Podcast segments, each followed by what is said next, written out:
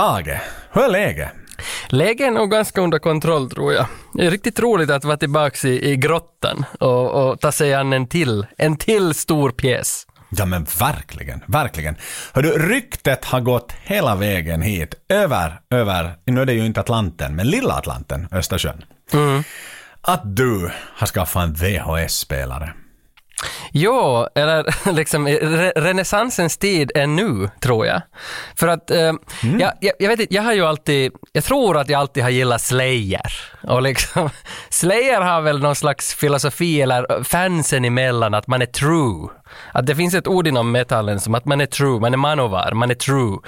Och, och där har jag väl lite börjat mm. tro att om man ser på, på eh, liksom hårdkokt gamla actiondängor från 90-talet, så för att vara true till det här mediet så borde man kanske göra det så som man gjorde på 90-talet, att man ser på VHS.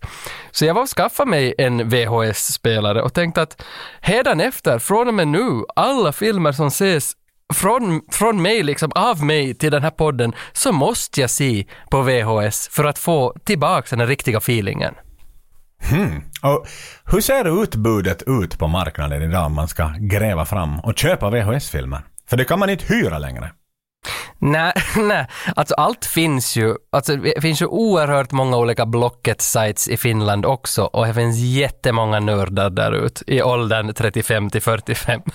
Och, och deras utbud, alltså de har ju ofta köpt upp hela lager av gamla nedstängda uthyrningsbutiker. Så bara förra veckan fick jag in ett litet lager, en låda med en fem, sex filmer som alla hade kvar olika klisterlappar från vilket serienummer de hade i hyllorna i hyrbutiken. Så att i princip, och då frågade jag honom att har du den här och den här och den här? Så sa han ja, och så skickade han dem på posten. Och så betalar man cirka en krona styck. Om en euro och en krona är väl typ samma. Nej, med, med, dagens dåliga inflation så är det nästan 11 kronor faktiskt.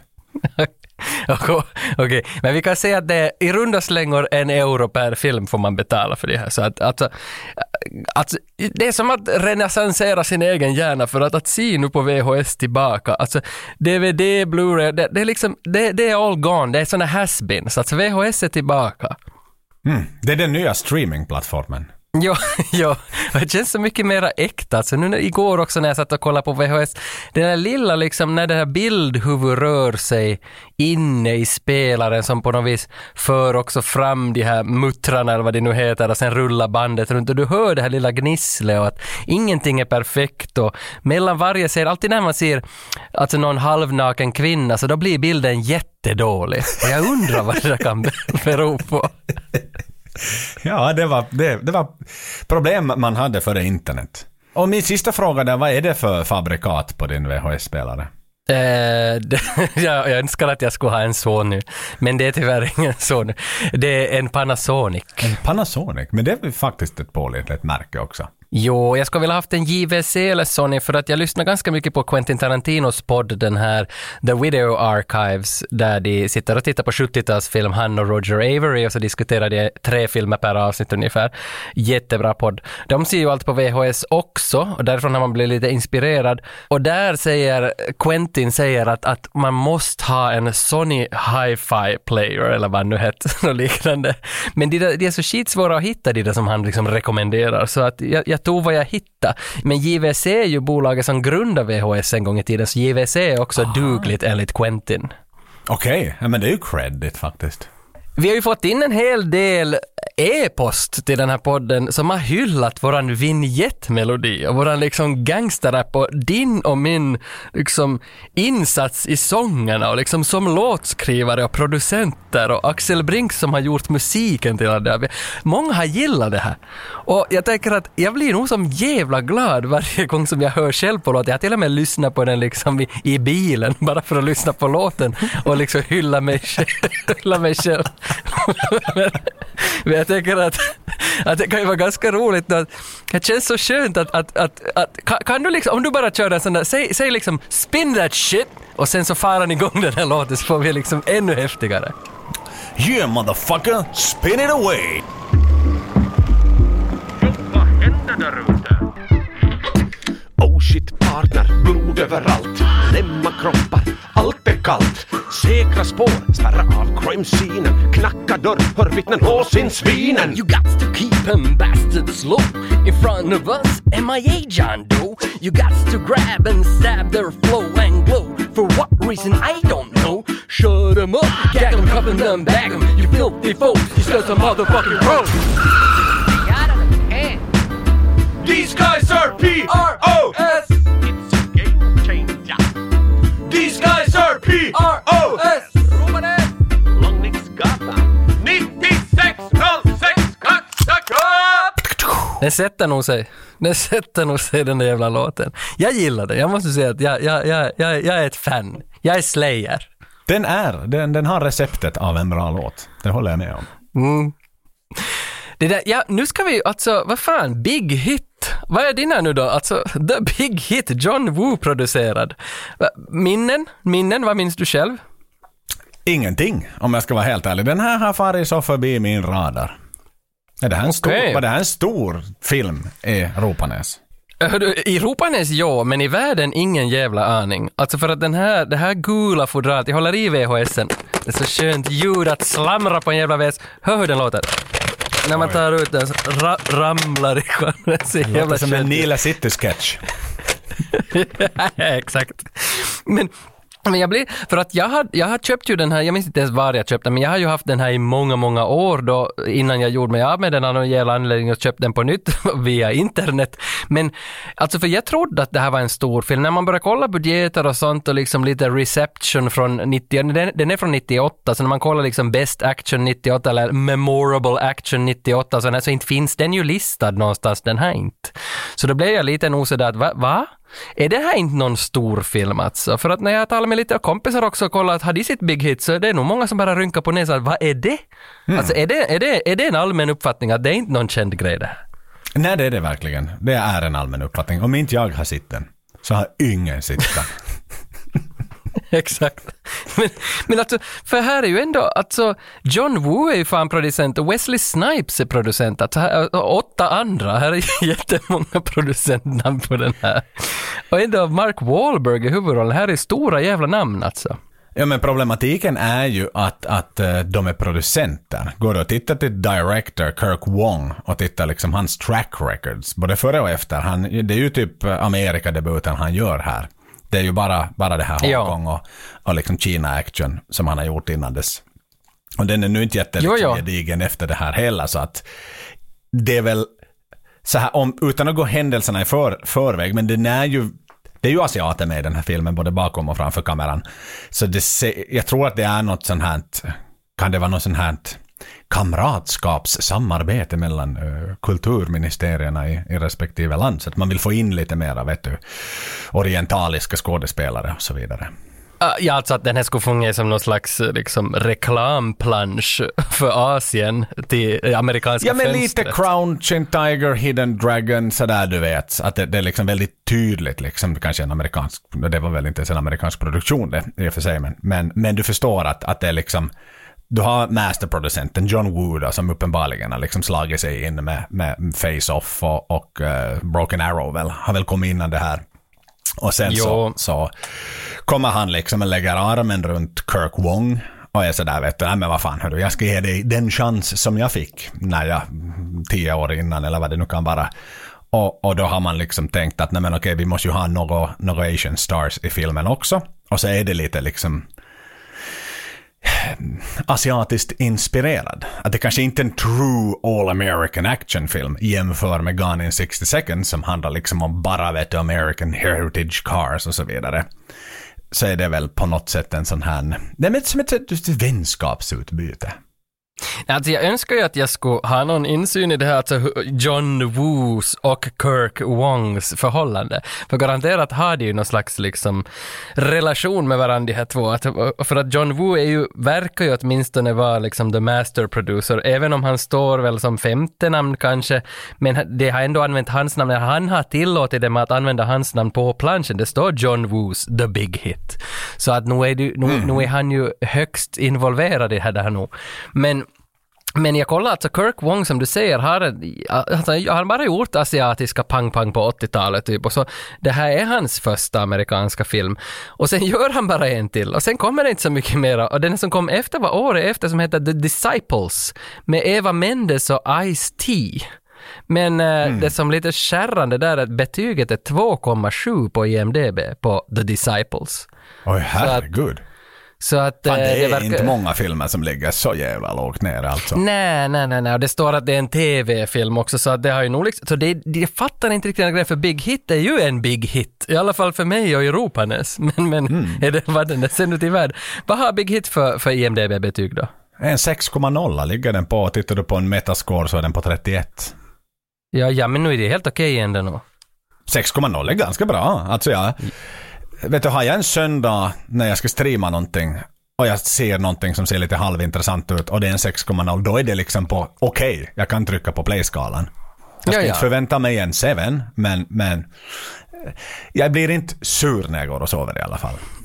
Roligt att Seven är din måttstock från 1995. Nej men du vet, vi, vi, vi, vi, jag och du såg ju alltid på söndagstrillers. Och då är ju någonstans en söndag ska nästan... Sundays for the thrillers på något sätt. Men och det Seven känns är ju liksom thrillrarnas thriller. Så är det, men alltså när jag, när jag såg på söndagstrillers på Sveriges TV4 så tänker jag mera Three Kings och Ransom och Paycheck. Och sådana, Mm. sådana andra liksom lösryckta Mel Gibson B-filmer. Ja, ja, ja. Är det ju så nog. Enemy of the State kanske kommer in där också. Ja, nu ja, för Seven är ju för fan ett mästerverk. Det, det är liksom en, det, är ju, det har ju bildat en kultur medan Ransom kanske inte gjorde. Nej, Ja. nej, nej, men det hade väl rätt i. Det hade väl rätt i. Men jag så att inte den ju, alltså, ja men skapligt högt får man väl ändå lov att säga. Jo, jo, jo, jag tycker, jo, jo, alltså det, jo, jo, jag skulle nog ge den högre än 6,0 men, men kanske vi kommer till det när vi summerar ihop den här filmen, någon slags betygsskala. Men alltså, innan vi liksom går in på Big Hit så känns det ju som att äntligen Mark Wahlberg, jag har förberett en liten ruta här om Mark Wahlberg om någon orkar lyssna. Lite hans historia. Låt komma. Ja, för att han är ju Uh, alltså, Mark Wahlberg är en av få personer egentligen som har tagit steget från att vara popidol till att sen bli en erkänd skådis. Alltså han är ju Marky Mark i början på 90-talet, slutet på 80-talet. Uh, eh, och sen så, så plötsligt blir han en jättestor skådis med är det Boogie Nights 97, då han är Dirk Diggler med den här stora pungen.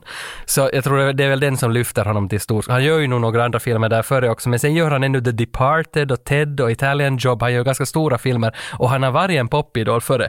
Och där, mitt lilla quiz till dig, kan du räkna vet du, upp två eller tre andra som har gjort det här med någon slags värdighet, Varje artist och sen blivit en skådis, som är erkänd stort skådis? On the top of my head. Fan vad du sätter mig på pottan här. Du går från musiken. Will Smith är ju en given såklart. Ja, Will Smith har jag här på listan också, att han, han var ju lite skådis före, äh, han var ju Fresh Prince före, men sen gjorde han ju en musik efter det efter Bad Boys och släppte sin Miami-skiva sådär.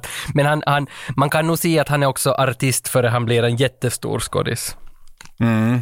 Ja, ja, ja, med tanke på liksom hans, hans ass-whooping på Oscargalor och sånt här. Så att jag menar, Ja. då är man ju jättestor när man blir så Och jag har just börjat läsa hans biografi faktiskt. Will heter boken. nice. Men, Sen men tänker jag mig... alltså men bara menar- släng ut bara någon sån där som du tänker på först, inte behöver du analysera så hemskt mycket in. Men det blir ju så fel med Britney Spears och Crossroads. För den liksom... Jag skulle, jag, vill, jag, jag skulle gärna vilja, men hon blev ju aldrig riktigt någon erkänd stor skådis. Men hon gör ju Nej. bra ifrån sig i Crossroads, som är 2002. Ja, ja, wow. Kanske vi borde ta den i, i vänveckan sen. Absolut. Nej men vad fan, ge mig några fler Tage. Låt mig höra. Ja, ja, okej. Okej, men alltså jag tänker liksom främst på Lady Gaga. Eh, som, som nu för tiden, nu är ju hon fan ska ju vara med i den här Joker 2-musikalen också liksom att hon, och sen Alltså hon har ju, A Star Is Born och sådär, hon, hon håller ju på att bli en riktigt stor skådis. Meatloaf tänkte jag också på. Vet, Meatloaf har ju alltid varit artist och sen gör han, är det Fight Club och några andra till filmer som han ändå liksom är bra i. Men, men eh, största namnet i princip som har varit artist och sen blev en stor skådis är väl Cher. Och, och kanske Whitney Houston, David Bowie, liksom Elvis, vad fan. Och, och, och J Lo. Alltså så, så, sådana här namn och där, upp med de här namnen. Madonna. Madonna gjorde också, efter sin karriär så släpper hon väl, är det Evita kanske, en av hennes första filmer. Så att, så att, och sen en som jag inte skulle vilja sätta på den listan som man ändå måste, alltså Jennifer Hudson. Hon som, blev hon nu andra i American Idol eller något liknande så var hon med i den här Dreamgirls sen och fick- fick en Oscar för Dreamgirls. Men inte hon är så jävla bra tyckte jag, men sen efter det vann hon ju också en, en har hon vunnit en Grammy och en Oscar och en Emmy och en Tony Award, alltså hon har de där EGOT-bokstäverna, E-G-O-T, att hon har vunnit alla de där fyra stora. Och hon börjar ju som American Idol-artist. men kanske inte hon behöver vara i samma lista som Elvis, liksom, men, men ändå. Nej. Jag vet vad det är nu riktigt liksom kioskvältande namn du kom, kom dragandes med här. Inte Nej, det men som att liksom, Jag tänker på, jo men jag tänker ju nog henne på musiken först. Och David Bowie såklart på musiken först. Jo, jo, jo, jo, alltså, jo, jo, de gjorde musiken först och de gör ännu musik, men de blev sen stora skådisar också, fast de har bara varit artister före, så att säga. Också. Men jag menar idag är ju inte Mr. Mark Mark. Nej, no, så är det, så är Mark det. Mark. Han är ju Frank. Sinatra då? Frank Sinatra då? Nej, det är ju för Han- filmerna han är känd. Nej men han plockade ju en Oscar, vad fan, i, i Far From Jo. någonting eller liknande. Jo, men, men trots allt, det är ju musiken som bär de hjältarna. Det finns nog inte väldigt många som Mark Wahlberg som faktiskt helt har liksom bytt. Det är kanske Will Smith då, för han rappar ju inte så jävla mycket nu för tiden. Nej, kanske, kanske Will Smith är det namnet som vi letar efter. Ja, men Mark Wahlberg, hur som haver, född i Boston 71, mamma sjukskötare, pappa körde DHL ungefär. Muffa från Sverige. Eh, föräldrarna skilde sig ganska när han var ganska ung, så han drogs in i knarkgamet i Bostons utkanter. Sålde och använde knark, eh, fälldes sen också i domstol och redan som 16-åring så sa, då han rånade några vietnameser så satt han 50 dagar i fängelse som 16-åring. Så att han är ganska som bad boy den här Marky Mark innan han blir Marky Mark. Och där var man lite låta sig chocka sig att Mark Wahlbergs storebror Donnie Wahlberg, han var med i New Kids on the Block i bandet. Så, Så att det var, det var brorsan liksom som har, som har liksom haft musiken sådär around the corner. Så att han drog in Marky Mark i, i leken, i musikleken och sen så plötsligt blev Marky Mark Marky Mark and the Funky Bunch. Och så fanns, så fanns det ett, ett band och en artist. Men han kunde ju inte sjunga, han kunde ju som inte göra någonting utan han dansade väl i, i kalsonger var det så att han, han blev ett face, eller ett face, en kuk för Calvin Klein eller hur man ska säga, för han hade alltid Calvin Kleins kalsonger. Så han blev liksom deras mhm deras guldgosse. Och, och det här är någonstans i början av 90-talet och efter det släpper han en bok som dedikeras till hans egen penis. Mark Wahlbergs penis. Och jag vet inte vad den här boken heter men jag vill ju läsa den. Det, den här skulle man måste läsa. Så att han är ju hela tiden någon slags bad boy. Alltså han, han, han, han följer inga strömmar överhuvudtaget. Men eh, sen, alltså, var det nu så att Mark, Marky Mark and the Funky Bunch första skiva blev ganska populär, andra sket sig lite och efter det började han sakteligen söka sig med i filmsvängen. och, och vad var hans, det var genombrottet då, var Boogeyman? Boogie Nights är väl nog genombrott. Han gör nog Boogie tre, fyra filmer för, men nu minns jag inte vilka de är, men inte är det några stora titlar, inte. Men Boogie Nights, och eftersom det var väl Paul Thomas Anderson, ganska stora regissörsnamn och sådär, så att han blir, blir jättepoppis i och med den sen.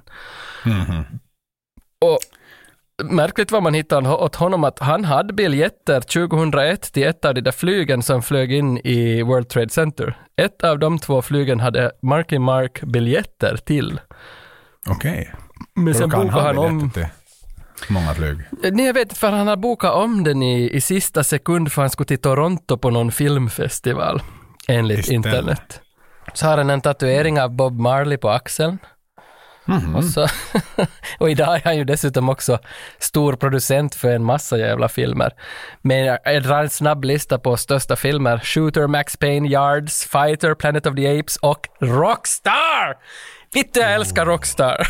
alltså, jag tycker att vi borde ju ändå vi borde ju ändå starta igång det här avsnittet på något vis med alltså Rockstars bästa låt, alltså Steel Dragons bästa låt, We All Die Young. Kan Oj, inte du oj, oj. smätta igång en liten snutt av We All Die Young, bara för att komma närmare Mark?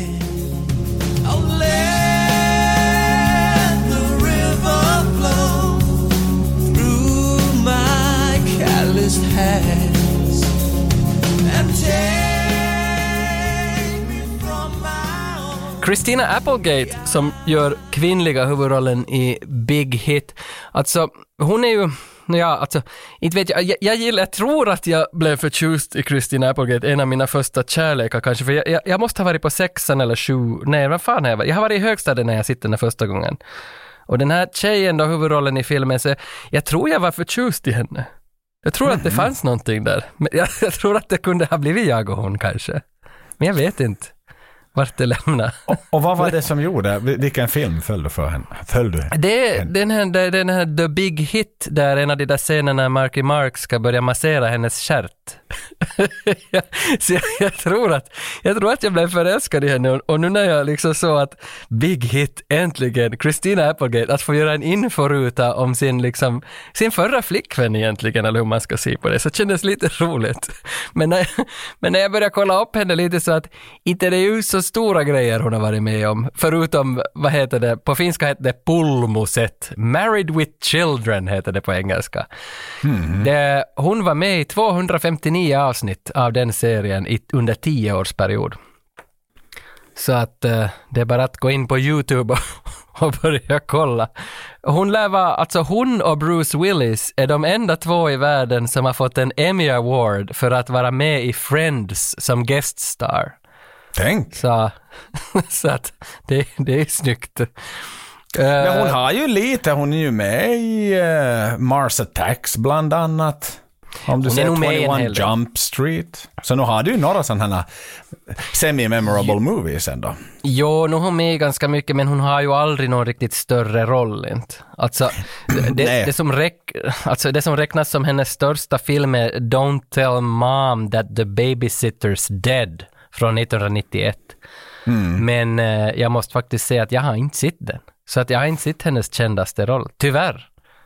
Nej, Men, inte jag eh, heller. Inte jag heller. Nej, jag tror, hon verkar inte hamna liksom i hyrbutiken i Vasa jätteofta. Det är lite Nej, ledsamt nej. att konstatera nu i efterhand. Och sen behöver vi ännu, fan vi måste ännu nämna Lou Diamond Phillips. Han är väl um, liksom en av de här, um, Mark Wahlbergs bästis i filmen. Den andra manliga huvudrollen. Och Lou Diamond Phillips, alltså han är först skön. Alltså det är han från Young Guns, där känner jag egentligen honom som bäst. Men eh, för det är filmen som har gjort honom känd, som inte jag faktiskt har sett, är den här La Bamba, där, då var han väl, han är väldigt ung där, han spelar Richie Valens. Den här som dog med Buddy Holly i en flygkrasch någon gång på 50-talet kanske. Och Richie Valens största låt är väl den där ba ba bamba la da da da da. Så jag tycker att kanske vi måste köra en liten Richie Valens låt här också för att höja upp stämningen lite.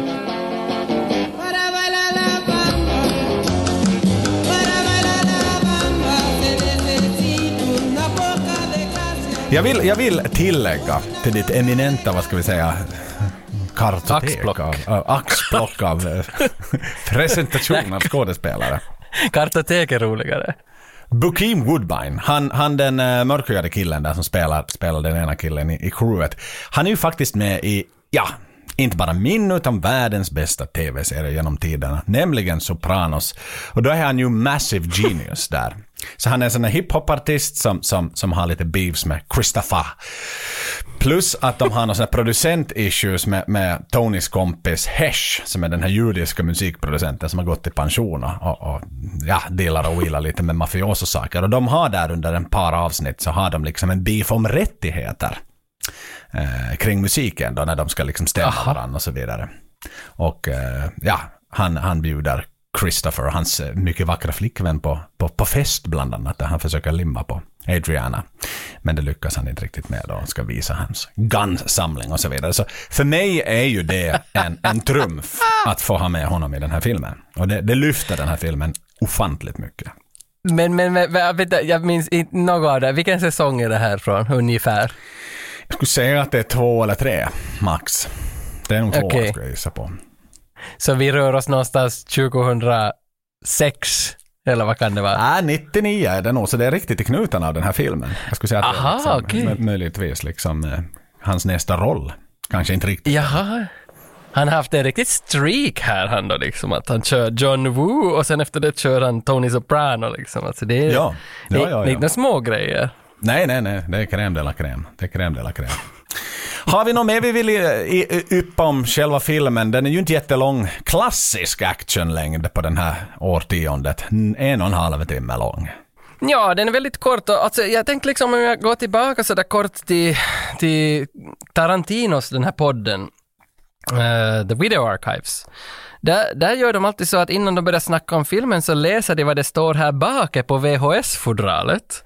Och sen så får man liksom väldigt snabbt med sig allting. Och jag tänker det lite som att du, eller våran, låt säga att vi har en hypotetisk kompis som står i Makuni i Vasa. Så tar man ju i VHSen, vänder den, läser så där flyktigt lite vad den handlar om och så hyr man den och när man hoppar in i bilen sätter man på vårat avsnitt, eller i bilen, vem ljuger sin trimmade moppo. Så sätter man på vårat avsnitt i hörlurarna och lyssnar på det här medan man är på väg hem från Makuni och när man väl kommer hem smäller man i Big Hit och har massa faktapaket med sig för att kunna se på den här filmen på rätt sätt. Så kanske, kanske liksom om du bara unnar mig så kan jag snabbt läsa igenom vad det står på baksidan av VHS. Jättegärna. Kan du också smätta igång lite score music från Big Hit när jag läser det? Absolut. Okay.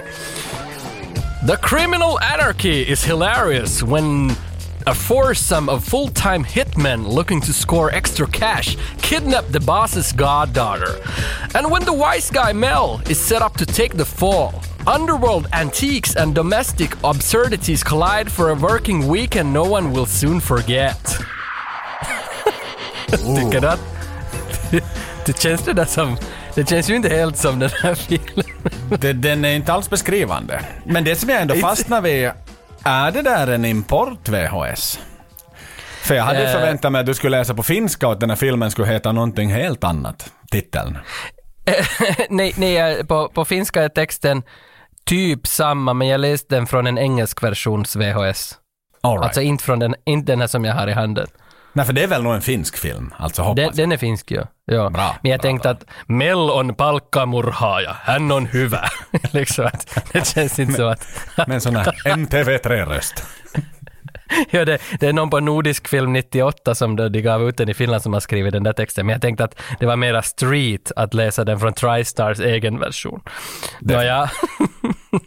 Men nu har, ni, nu har ni med så hoppa på mopeden, så fräs igång ettan Tunturi Tiger Aqua och sätt på era airpods och sen så kanske vi kör, vi rullar trailern här nu medan de startar iväg från Makunis parkering.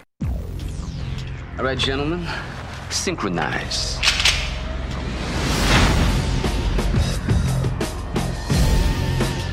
Get ready in three, two, one. I'm a contract killer. That's the only thing that I'm good at. This is going to be the right time to tell them that we're engaged. You seem like a nice enough German Irish fella. You sure you don't want to go on this little cable we got planned for tomorrow? This is the girl? No, it's your mammy. Hey, boss, what's going on? There has been an unauthorized kidnapping. The kidnappee happens to be my goddaughter. There's a hit squad coming for your ass right now. Get him. Get him! He's after all of us. From the team that brought you Broken Arrow and Face Off. The big hit. Pam? Yeah? Were you gonna break up with me? Uh, yeah.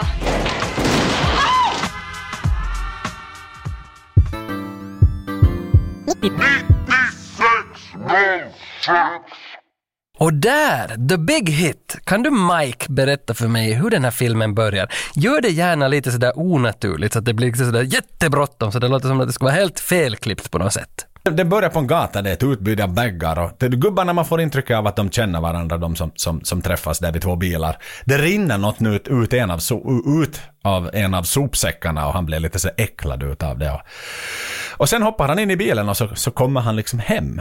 Ganska sådär chilligt. Och tömmer säcken, kort och gott, i badkaret. Det visar sig vara en kropp eh, och kroppen tillhör någon som heter Sammy.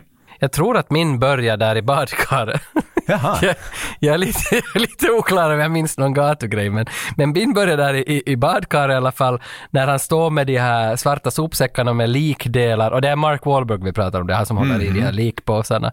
Och så kommer hans, eh, man får intrycket av att det är en, en kvinna som heter Chantel, tror jag, som är hans vänsterprassel. Det är inte hans fru, utan det är hans... Men det vet du inte då. Du tror att det är hans flickvän. Nej, nej, är jag, jag presenteras. tror...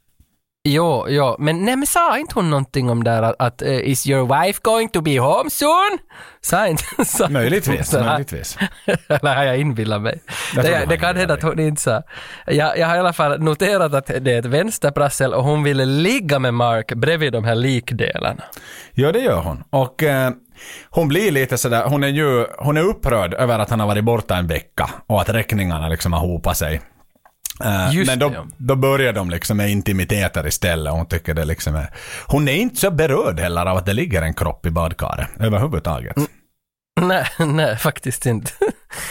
Nej men det, det säger väl ganska mycket om henne då, att de är liksom, de är, de är vederbitna, de har varit med i det här gamet länge med kroppar och död liksom. Definitivt, det har de varit. Och sen, cut to next, då får vi ju ett riktigt gammalt hederligt training-montage med Mark Ja, Wahlberg. då blir man glad. Jag ja, tänker du som ändå ja. gammal 80-talsfilmpoddare, liksom sådär på en... Är det ett bra montage? Jag gillar ju alla montage i princip, eller bästa montaget jag vet är ju förstås, och vilket är det då? Armageddon ja. I'm gonna twist you and then I'm gonna trust you and I'm gonna twist you. När de ska träna upp de här killarna för att fara till rymden. Det är ju det bästa träningsmontage, även om vissa kanske inte ser det som ett träningsmontage, men jag gör det. Nej. Men jag blir i alla fall glad Det av det här träningsmontaget. Ja, det, så är det. Men jag blir i alla fall glad av, av det här montaget nog lite, för det här är väl ganska sådär backlight. Det är ganska svart och det är ganska mörkt och det är nakna män i omklädningsrum. Eller Mm. där, där, de kommer väl dit först sen. Nåja, men han tränar väl i princip på ett gym som är backlit ungefär. Ja men det är han. Men man- Han är jävligt rippad vill jag lägga till. Ja, jo, jo, jo, jo. Han har ju varit, inte det många år sedan han var Marky Mark. Det här är väl året efter Dirk Diggler dessutom, efter Boogie Nights. Men, men, men alltså montagets syfte är ju ofta det detsamma att man ska liksom presentera hur jävla häftig någon är och här träffar vi också hans gäng, Mark Wahlbergs kompisar så att säga. Mm. Som står också en nakupelle och ganska ogenerade i omklädningsrummet och har sån machosnack liksom. Vet du, peppar upp varandra, boostar upp varandra. Lite sådär. Five weeks of fighting, five weeks of, fi- of surfing. Eller något sånt här, du vet. Så, så här klassiskt. Ja, ja. Vi- Visa hur tuffa de är. Mm, mm. Men ändå lite känns, filmen känns ändå lite sådär B. Lite snabb. Den är, den är, det, det, man, det är inte så påkostat, det känns lite tunnare än Armageddon liksom. Att man märker att det är inte, det är inte stora budgetar den här Big Hit har rört sig med jämfört med andra filmer kring det här året. Nej, big hit a small budget. Det är rätt det. Men sen, sen byter de om till arbetskläder och, och, och ska iväg på jobb då helt enkelt och synkroniserar sina klockor och, och börjar plocka fram lite guns. Och sen är det något... Men kan du, kan du kort bara liksom utveckla det där synkronisera klockor när alla har analoga liksom urverk och så visar de klockorna åt varandra och sen Ja. drar de bort dem och då är det synchronized watched. Det är så det är. Om det är innan digitala klockor så är det ju liksom, då sätter Ja. du den till exakt tolvan på tolvan på tolvan på tolvan. Om det, för det spelar ju ingen roll om klockan är tolv, utan om det ska ta fem minuter så vet de att ah, nu slår den fem minuter. Är det det de gör? De sätter den på 12? Jag vet inte vilket klockslag de sätter på, men jag, jag lyfter fram syft, liksom the purpose. Att ska det Jo, ta jo, exakt jo. fem gånger 60 sekunder så, så spelar det Men- ju ingen roll om du sätter den på femman eller på sjuan eller vad fan som helst. Liksom. Jag, jag bara du, det tog det, som- exemplariskt. För det känns som att på min VHS-version så såg man inte så tydligt vad klockan var när de visade upp dem i närbild. Det var fem herr gentlemens klockor som kom in i en närbild bredvid varandra och så sa de “Synchronize! Yeah!” och så stack de. Men Mm. Nej, jag men- kunde inte liksom urskilja vad de gjorde med de där klockorna, men de är synchronized. På min. HD-version på Apple TV så var det 12. Okej, just det. Men, men det, ofta när man synkroniserar klockor med andra män i, i brottsliga liksom, syften så brukar det betyda att man ska göra ett gig.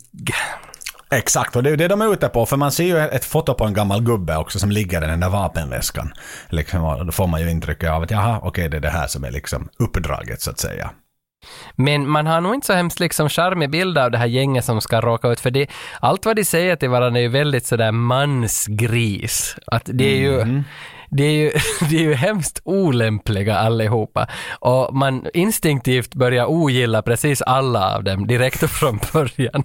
Och jag, jag vet inte om det här var meningen, att var det 98 liksom cool att vara sån där kändande av andra människor och dissande och liksom bara grisa till allt vad man säger om precis alla människor. Ja, det var det ju. Och det är ju en hemsk tid inom popkulturen, 90-talet överlag liksom också med hur kvinnor porträtteras och så vidare. Jag menar, det är ju bara att titta på på, på, på din gamla favorits musikvideor. Liksom inte, inte, inte stod hon ju påbyltad i päls om vi säger så. Han har ju en fest den här gamla mannen då. Han har ju, man presenteras ju med många goons som han också har. Och liksom, han är ju en ganska tät kar på det sättet att de, de, han har många avlönade som ska beskydda honom helt enkelt. Jo, alltså du, pratar du nu om den här som man skulle kunna säga att det är en från Mellanöstern i 50-årsåldern? Ja, maffiabossen från Eh. Mellanöstern i, i, medelåldern. Ja, ja okej, ja, ja, för att, för att det här själva gänget, alltså Mar- Marky, Mar- Marky Marks gäng, så det är väl alltså klädda som något slags reeperbahn-gäng och, och, och, och så har de kombo det med något slags byggarbetsmode. Exakt. Att jag, Exakt. jag har lite, lite svårt att pinpointa deras, deras liksom fashionistas, så att säga. Men, men det är ju lite, det är ju lite häftigt klädda. Men däremot, alltså de här, hur de är klädda, de här, den här vad ska man nu säga, Mellanöstern-bossens äh, goons. Så alltså, varenda en har ju svart kostym och svarta solbrillor. Yes, hela gänget. Ja, det är så jävla fult alltså. För när jag, när jag tänker tillbaka på den här, Eh, är det Darudes uh, musikvideo Sandstorm? När, när en, man jagas av två, med, liksom, två jämnåriga killar och bara för att de har svart kostym och sån där nopet lassigt, snabba glasögon som är svarta, så ska man direkt instinktivt tänka att de där är bad guys och, och sälja knark. Ja. Och jag, jag tycker bara det, när vi själv gjorde också actionfilmer, du och jag, så vi hade en karaktär där som hette Biffen. Och, och Biffens, Biffens chef var Lagerfeld. Och vad fan har vi klätt också Biffen i? Svart kavaj och svarta solbrillor. För att då är man cool och kriminell. Ja. Men jag tycker ju som inte att det här funkar alltså. Det, det ser så fånigt ut. Det ser ut som en finsk TV-serie. Nej men så är det ju, men de har ju inte en jättestor roll i filmen heller. Egentligen, Nej. utan så här, strömmen bröts, det är dags för filmen att börja. Och då får vi en sån motherfucking shootout liksom, John Woo-style. Det Ja. är ju, de smäller och de kastar rökgranater och det handlar liksom om att röka ut den gamla mannen så att han ska dö.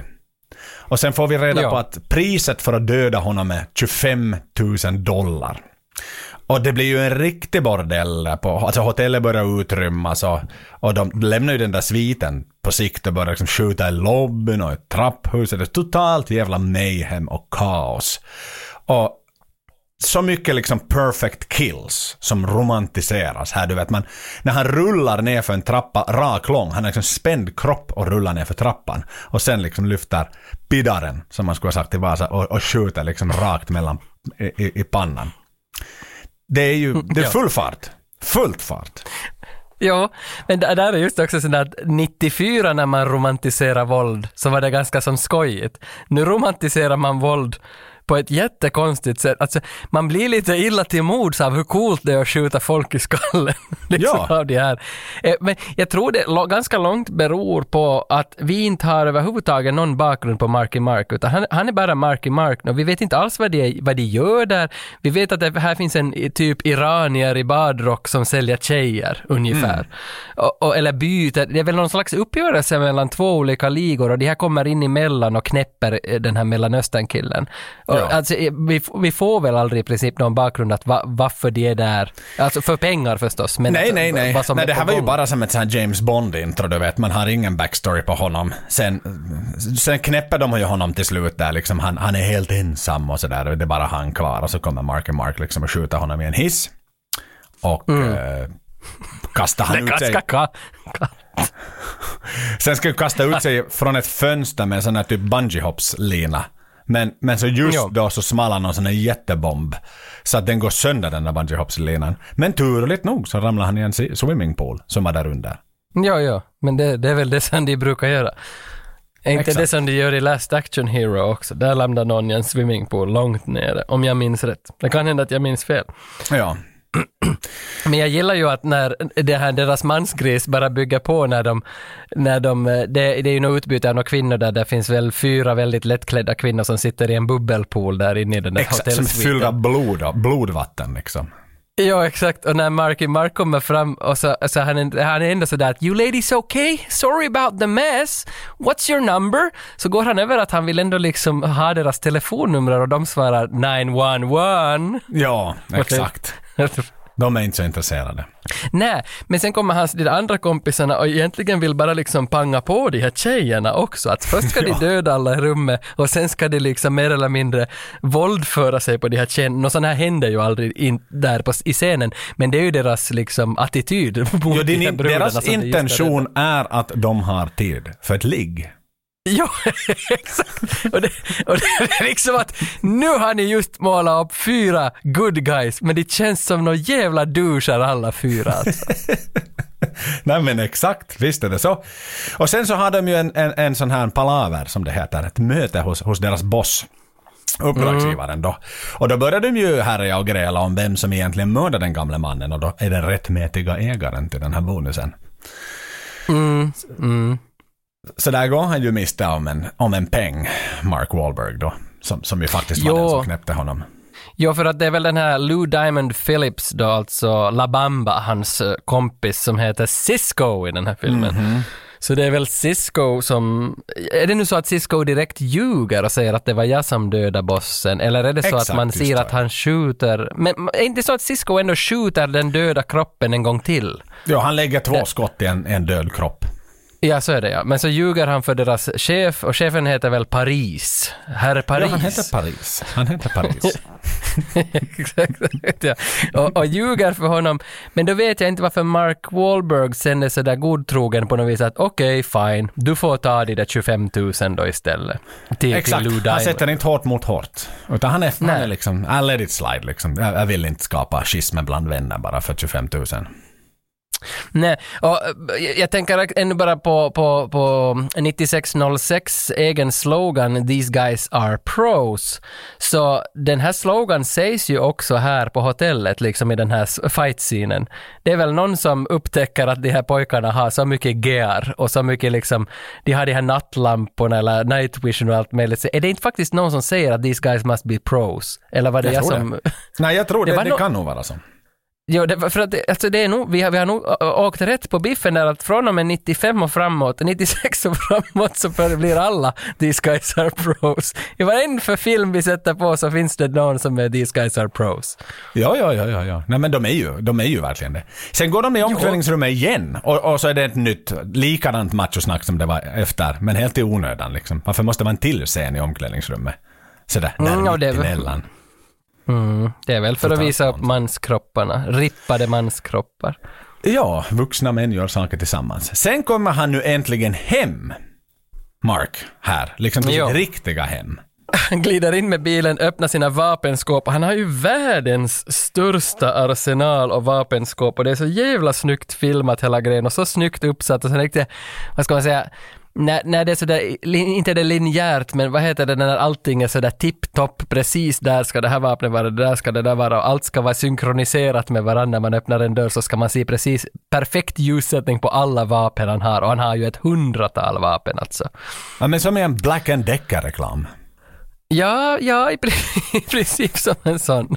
Och, och man får bilden, okej, he is a fucking pro. Han är någon jävla hitman och det här gänget är hitmen och de har så jävla mycket utrustning för att hitta liksom vem som helst. Och där drar jag mig tillbaka faktiskt igen till, till när du och jag gjorde en actionfilm som hette Vengeance. Så, så skulle vi också ha en likadan scen när man visar upp hur häftiga vapen våra bad guys hade. Men vi var på en villa eller på en stuga utanför Åbo någonstans i skogen. Och vi visste inte riktigt, inte hade vi nu planerat inspelningen så hemskt mycket, men, men vi hade ju vapnen med oss, sådana här plastvapen från diverse olika tillverkare. Och, och, och sen tyckte vi att i bastun ser det ju häftigt ut. Och så satt vi alla vapen i två svarta sopsäckar och så radade vi upp dem medan vi filmade på bastulaven. Och det var vårat jävla skåp. Men vi ville ju så mycket! Vi fucking ville ju! ja, det, det är verkligen liksom fattigmans motsatsen till hans, med hans vapenskåp. Svart sopsäck på en bastulav. Jo, jo, jo, jo. Men vi hade ju åtminstone vi, vi hade ju samma attityd. Vi visste ju vart vi var på väg och vad vi ville göra, men vi klarade ju inte av det bara. Exakt. Så var det verkligen. Åh. Yes, och, han får ju ett samtal när han har kommit hem också efter att han har stängt vapenskåpet om att han har glömt att returnera en gammal VHS-film. Och han är ju jävligt kaxig den här videouthyrningskillen där. Liksom så satans stor i munnen. Telefon tough guy. Vet du någonting om den där som spelar videouthyrningskillen? För det måste vara något speciellt grej med honom. Ja, jag vet inte, någon sån här Big, Big Al eller vad han heter.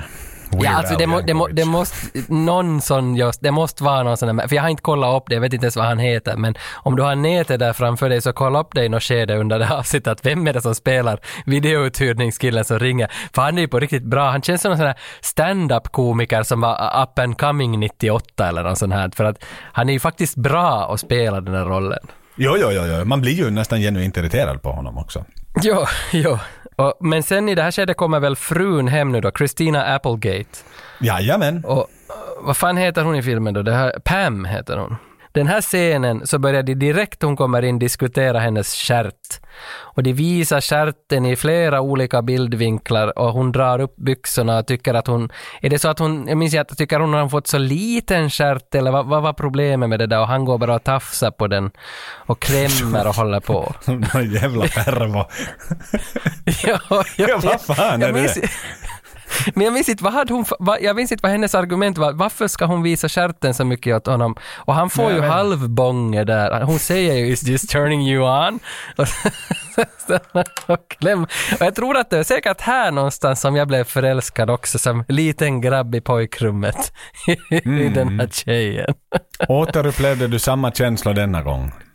Nej, nu kändes det lite annorlunda.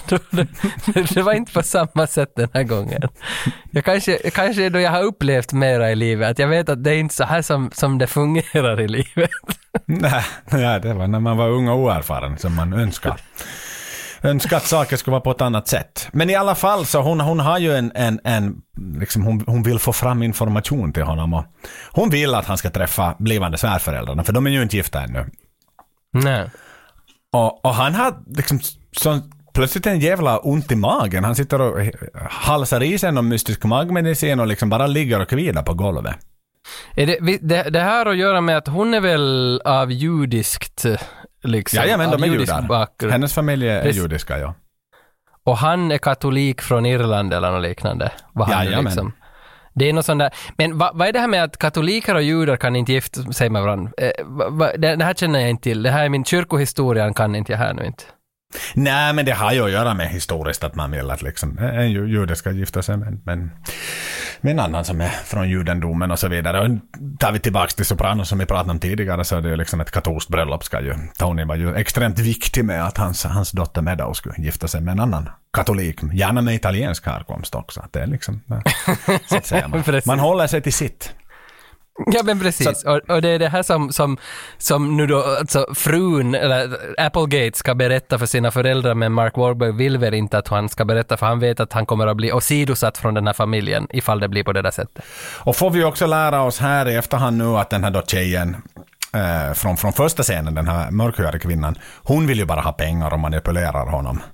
Och, och han har ju någon Ja, sån ja. mardröm huruvida han drömmer om det eller om det är sant liksom. Men att eh, han våndas över det där att, att hans älskarinna bara utnyttjar honom. Ja, och man är sådär att varför, varför dude, varför är han med den här älskarinnan? Han mår ju inte bra av att vara med henne. Nej, nej Men exakt. kanske inte han mår bra av att vara med sin fru heller, eller med sin blivande fru. Ja. Och det är ju samma veva här nu som man hoppar på det här erbjudandet de talade om i första eh, och andra omklädningsrumsscenen om att då göra en kidnappning. Och de skulle få 100 000 per man.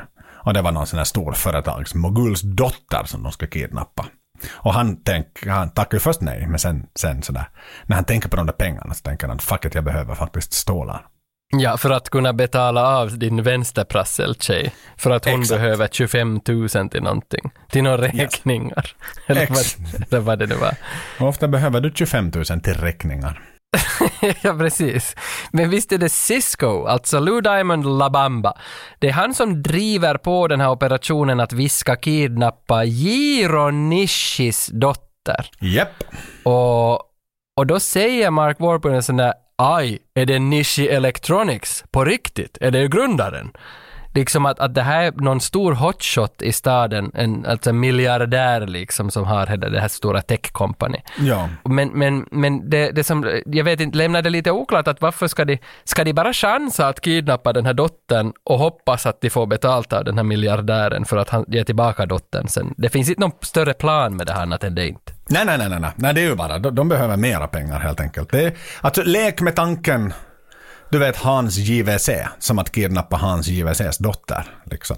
Det är mycket Ja. pengar att hämta, hämta där. Så att det där är ju helt Men- men- spontant. Ja, ja och det, det här är på, på Ciscos eget bevåg. Det här går inte via den här Paris. Nej, nej, nej. Utan Paris det här är liksom, nej nej, för att eh, Cisco har som hittat på det här själv. Men, men det kommer aldrig fram att varför väljer han just den här japanska affärsmogulen liksom. Att det, det finns inte någon bakgrund alls utan nu gör vi det här och nu får ni vara med på det här. Mhm. När man googlar, typ. Richards bitches in the city. Exakt. Så att det, för att jag fick lite bilden i början att, att de var liksom alltid anställda hitmen. Att det är ett gäng som gör ett jobb för någon annan men nu hittar de också på egna jobb som de far ut på. Ja men exakt så är det ju. Par- Paris anställer alltid dem, så de är liksom fast anställda mördare. Ja. Men i det här fallet så gjorde de liksom en, en extra keikka. Ett extra knäck helt enkelt, på sidan om. Ja, ja. Mm. Okej. Men då har, vi, då har vi det utrett. För det, var det, det där var en av mina stora funderingar. Att varför gör de det här? Nåja. Men, Ja, ja, nej, men men, men, då när de liksom har målat upp bilden av Jiro Nishi då, som är den här rika affärsmannen som har elektronikbolaget, så samtidigt som de har målat upp allting och sagt hur häftig han är, så klipper det till en scen när skattmasens personal besöker Jiro Nishis lyxhem och plockar ut alla möbler ur Giros hus. För att det visar sig att Giro har satsat alla sina pengar på en Hollywoodfilm om sig själv med sig själv i huvudrollen och med sig själv som regissör och producent. Och på planschen står han med en naken kvinna i famnen och han är gjord av guld. och, den, den, och den här filmen, jag minns inte vad den hette, det var någon sån där golden shower eller något liknande. Men, men, men här börjar man ju förstå liksom att okej, The Big Hit är alltså en actionkomedi med betoning på komedi. Att här är liksom, nu är det humor. Och det jag gillar, jag gillar den här vändningen, att, att, det, att det talar först jättelänge om hur mycket pengar han har, klipp till att han förlorar alla pengar en sekund senare. Att det, det är mycket uppskattat klipp. Ja, han är ju så fattig så att, så att när han sen, om det nu är samtalet om skip few, forward a few minutes liksom i filmen när han får samtala om sin dotter som är kidnappad eller om det är något annat samtal han har innan så ska han liksom sätta sig ner på en stol. Men då plockar de liksom bort stolen så han kan inte ens liksom sätta sig ner på sin gamla stol för den till och med ryker. Så, så bankrutter han. Men det känns ju som att det blir sån här fars på Vasa Teater, vet du. Att det, det, det tar sig riktigt till sin spets, det, de här roliga sakerna. Och jag gillar det. Jag uppskattar det jättemycket det här, att det blev ett sånt här grepp. För jag, hade inte, jag, jag minns att den här filmen från 90-talet, där jag såg på den, att där var Christina Applegate och hennes stjärt, och så minns jag att det var mycket våld. Men där slutar mitt minne. Där slutar min... Nej men nu får, nu, får, du liksom, nu kommer storyn fram här. Nu börjar det hända. Men han får ju, han får ju, lå- klipp bort därifrån så får han låna 25 000 av sin kompis. Och så står de och härjar där utanför bilen det där. You want the truth, you can't handle the truth. Sticker han ut och så blir det en sån här liten rolig referens till, till uh, few, few good men va? Ja, 93 tror jag till och med. Exakt. Och då får vi ju också lite mera backstory på, på, på eh, Mark Wahlberg här. Att han har dödat flera hundra människor de senaste åren. Mm, mm, mm. Och, och här är väl egentligen det här djup, jag vet inte varför de söker det här djupet, men just det här med backstoryn på honom, varför han betalar den här Chantel, den här vänsterprasselbruden, är för att han, han klarar inte av att någon inte ska gilla honom. Att Mark Wahlbergs stora mål i livet, enligt den här filmen, är att alla måste gilla honom. Men ändå har han dödat ett par hundra människor liksom. Men Det är lite det- fel line of business.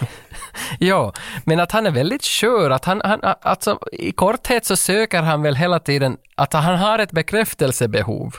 Han, han, han vill liksom ha likes. Och, och han betalar sig till de här likesen i princip. Han köper likes av allihopa i princip. Ja. Men, men hans, hans kompis, jag minns inte att var det han nu då som är med i Sopranos, alltså Bokeem Woodbine. Vi, vi får ju lite bakgrund på honom att han älskar att runka. Att det är liksom hans stora, alltså, varför måste du betala de här brudarna, kan inte du bara runka istället? Och så visar man ju ganska länge och många gånger längs filmen när Bokeem Woodbine tränar sina händer och runkar och har massa associationer och, och grejer att han ska nu gå och runka, han måste göra det här för att runka och allt handlar bara om vilka salvor han ska ha för att kunna runka bäst. Och det liksom, det spårar ju ganska långt ut den här filmens alla sorts genrer som den rör sig i. Ja, nej men exakt. Den, den har väl tendenser som idag kan vara osmakliga för den svenska tittaren. ja, jag tror dagens tittare kanske Ja, men dagens tittare är också säkert väldigt mottaglig för allt möjligt, men, men, men inte de som skriver om det på Facebook. Tillbaks till filmen, då har vi en limousin som stannar vid gängets sida för de har liksom öppnat sin motorhuv och låtsas att bilen är trasig och liksom utan snack avrättar de den här stackars limousinchauffören och, och tar bilen kort och gott. Eh, Och så åker de till Jiro Nishis dotters skola. Och, och där står hon ju och hänger med, med, med sin pojkvän och man tänker att nej, men hon ska i limousinen och så säger han hej då, hon hej då åt sin pojkvän men han liksom, han ska med han till varje pris Ja. den där jävla bilen. Och han har så här mystisk väska med några värdefulla saker i. Vem fan har med sig liksom en kappsäck till skolan med något typ mingvas i?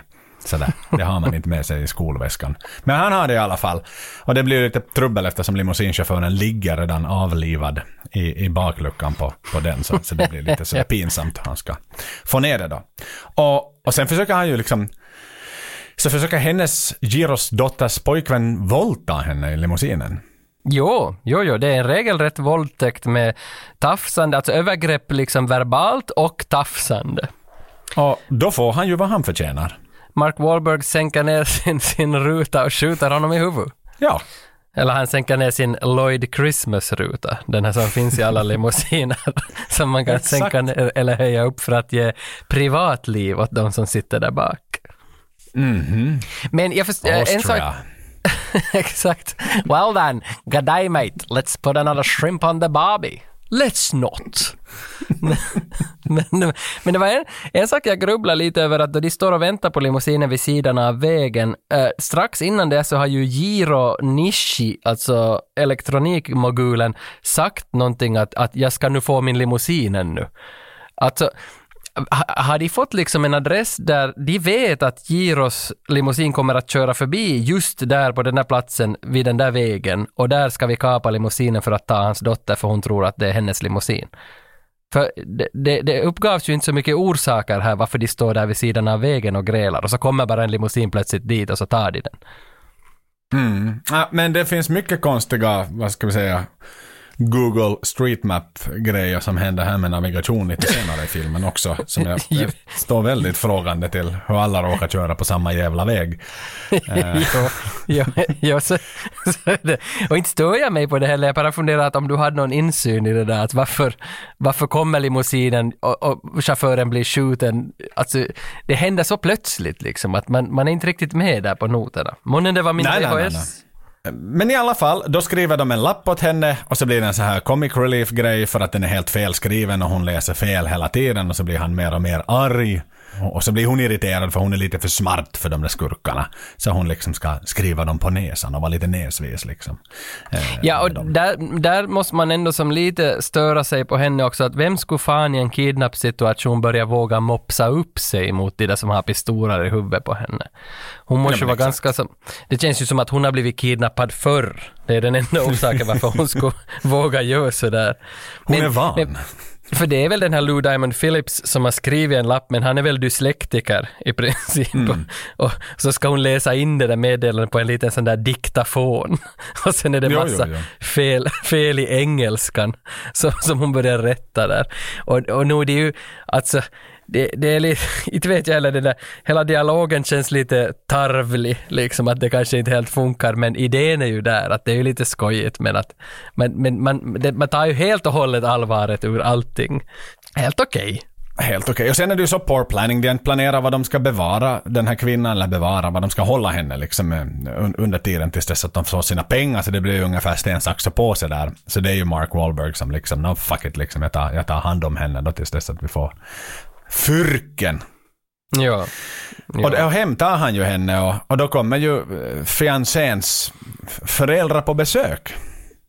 ja. Men, men de där föräldrarna, de är ju nog som, det, det går nog i överkant till överspeleri. Liksom att det känns som att, att, att pastischa sig själv så där hårt och ännu spela över och göra det ganska dåligt. Så det Ja, känns, ja, ja.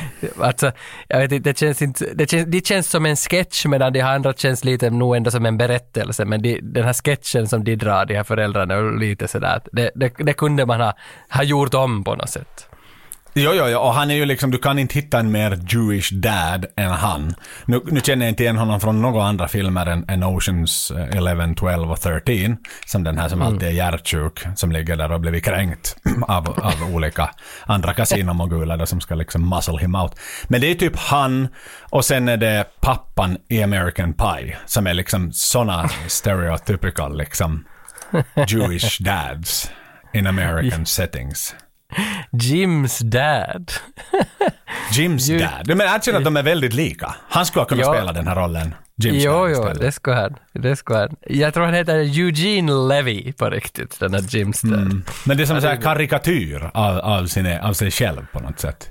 Ja, ja, och, och det känns inte helt för att inte, Mark Wahlberg känns ju inte som någon karikatyr av någon och det gör inte hans gäng heller liksom. Och sen kommer de här in som karikatyr av, av stereotypsjudar så att säga. Och det, eh, jag vet inte, det, det, det, det är någonting som inte riktigt far rätt här i de här scenerna. För att jag tycker att vissa scener funkar så jävla bra i den här filmen att det liksom bygger på allt möjligt häftigt. Men sen vissa så faller helt ihop alltså. Det är nu...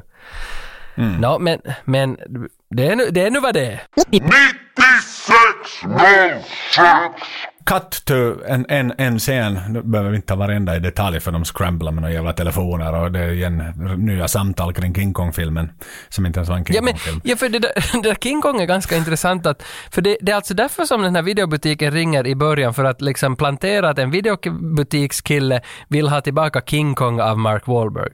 Han har hyrt King Kong på, på VHS och han använder nu King Kong att visa åt den här japanska flickan som han håller i sin källare kidnappad. Och det, det finns ju mycket också rasism här, här i det här liksom.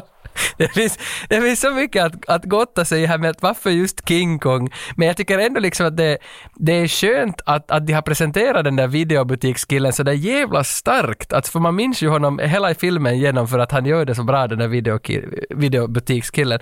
Och, och det är hans film som han ska ha tillbaka men ändå ska den spelas upp nu för en kidnappad flicka. Jag tycker att det här, det här är lite charmigt, hur, hur små detaljer bygger, alltså eh, längs hela filmen, alltså små detaljer blir ju stora storyn hela tiden här. Och sen då, Katujiro Nishi som sitter och sjunger opera, ensam i sitt hus. Huset har han ännu inte blivit av med och så ringer telefonen och det är kidnapparna som ringer och så blir det humor igen för de spelar upp fel sak. De ska spela upp det där från fickminnet då när hon läser in det där budskapet.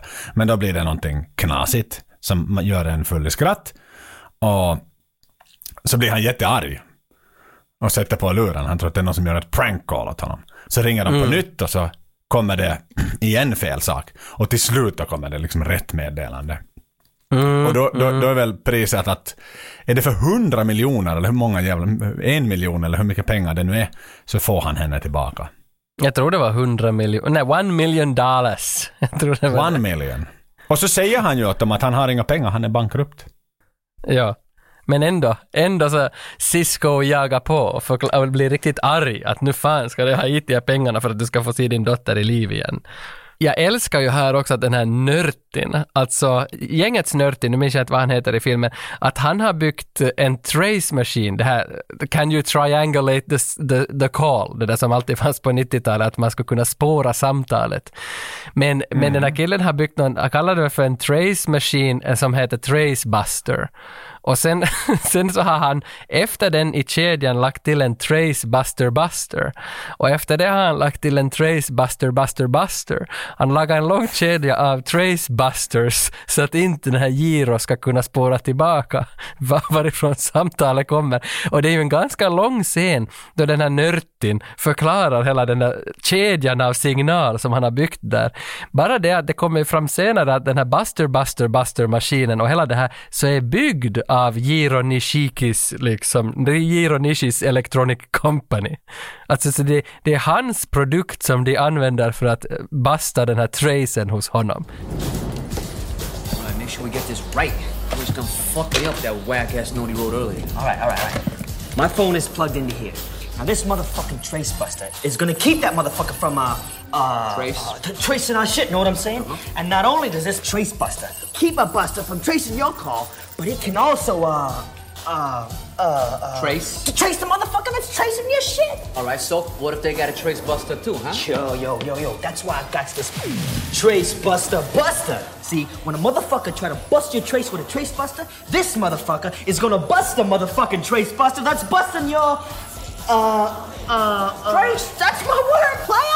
Men Giro ringer ju sen efter att han har fått det här samtalet och, och, liksom konstaterar att okej, jag ska inte ta livet av mig just nu, men jag måste ringa min bästa kompis som ska hjälpa mig att få tillbaka min dotter. Och då ringer han ju, alltså väldigt överraskande, till Paris. Alltså till, till Mark Wahlbergs gängs chef som råkar vara hans då bästis. Och då börjar filmen bli riktigt snurrig.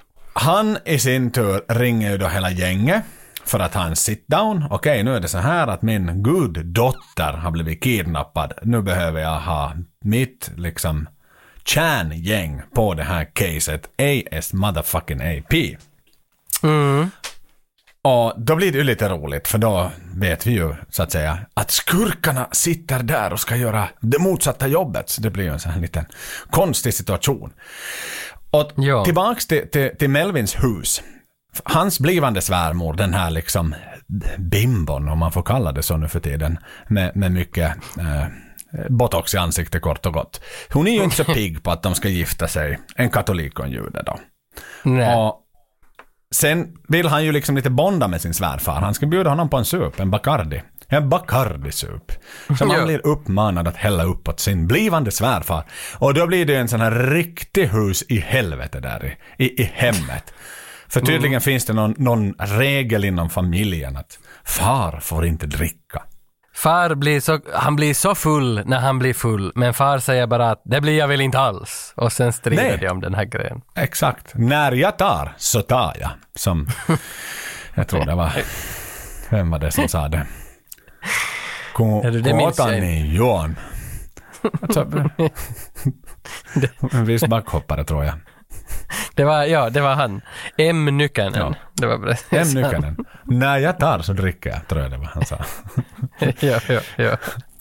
Han Ja. kanske blir som M. Nykänen. Följande scen efter det här så älskar jag nog att då vi är tillbaka i Paris kontor då, då han har kallat till sig alla goons han har och the best of the best som då är Mark Wahlbergs gäng. Men nu, Mark Wahlberg kommer väl inte dit utan det är den här Lou Diamond Phillips som kommer dit. Men man gillar ju den där feelingen att han anställer nu alltså Cisco att fånga och skjuta huvudet av sig själv i princip. För Cisco är ju bakom operationen att kidnappa guddottern och Paris guddotter är alltså, vi måste ge henne ett namn, hon heter ju Keiko. Den här, annars måste man alltid bara säga Giros dotter. Giros dotter heter Keiko i filmen. Intressant, intressant med Keiko och Mark Wahlberg är ju att under inspelningen så blev Keiko och Mark Wahlberg ett par.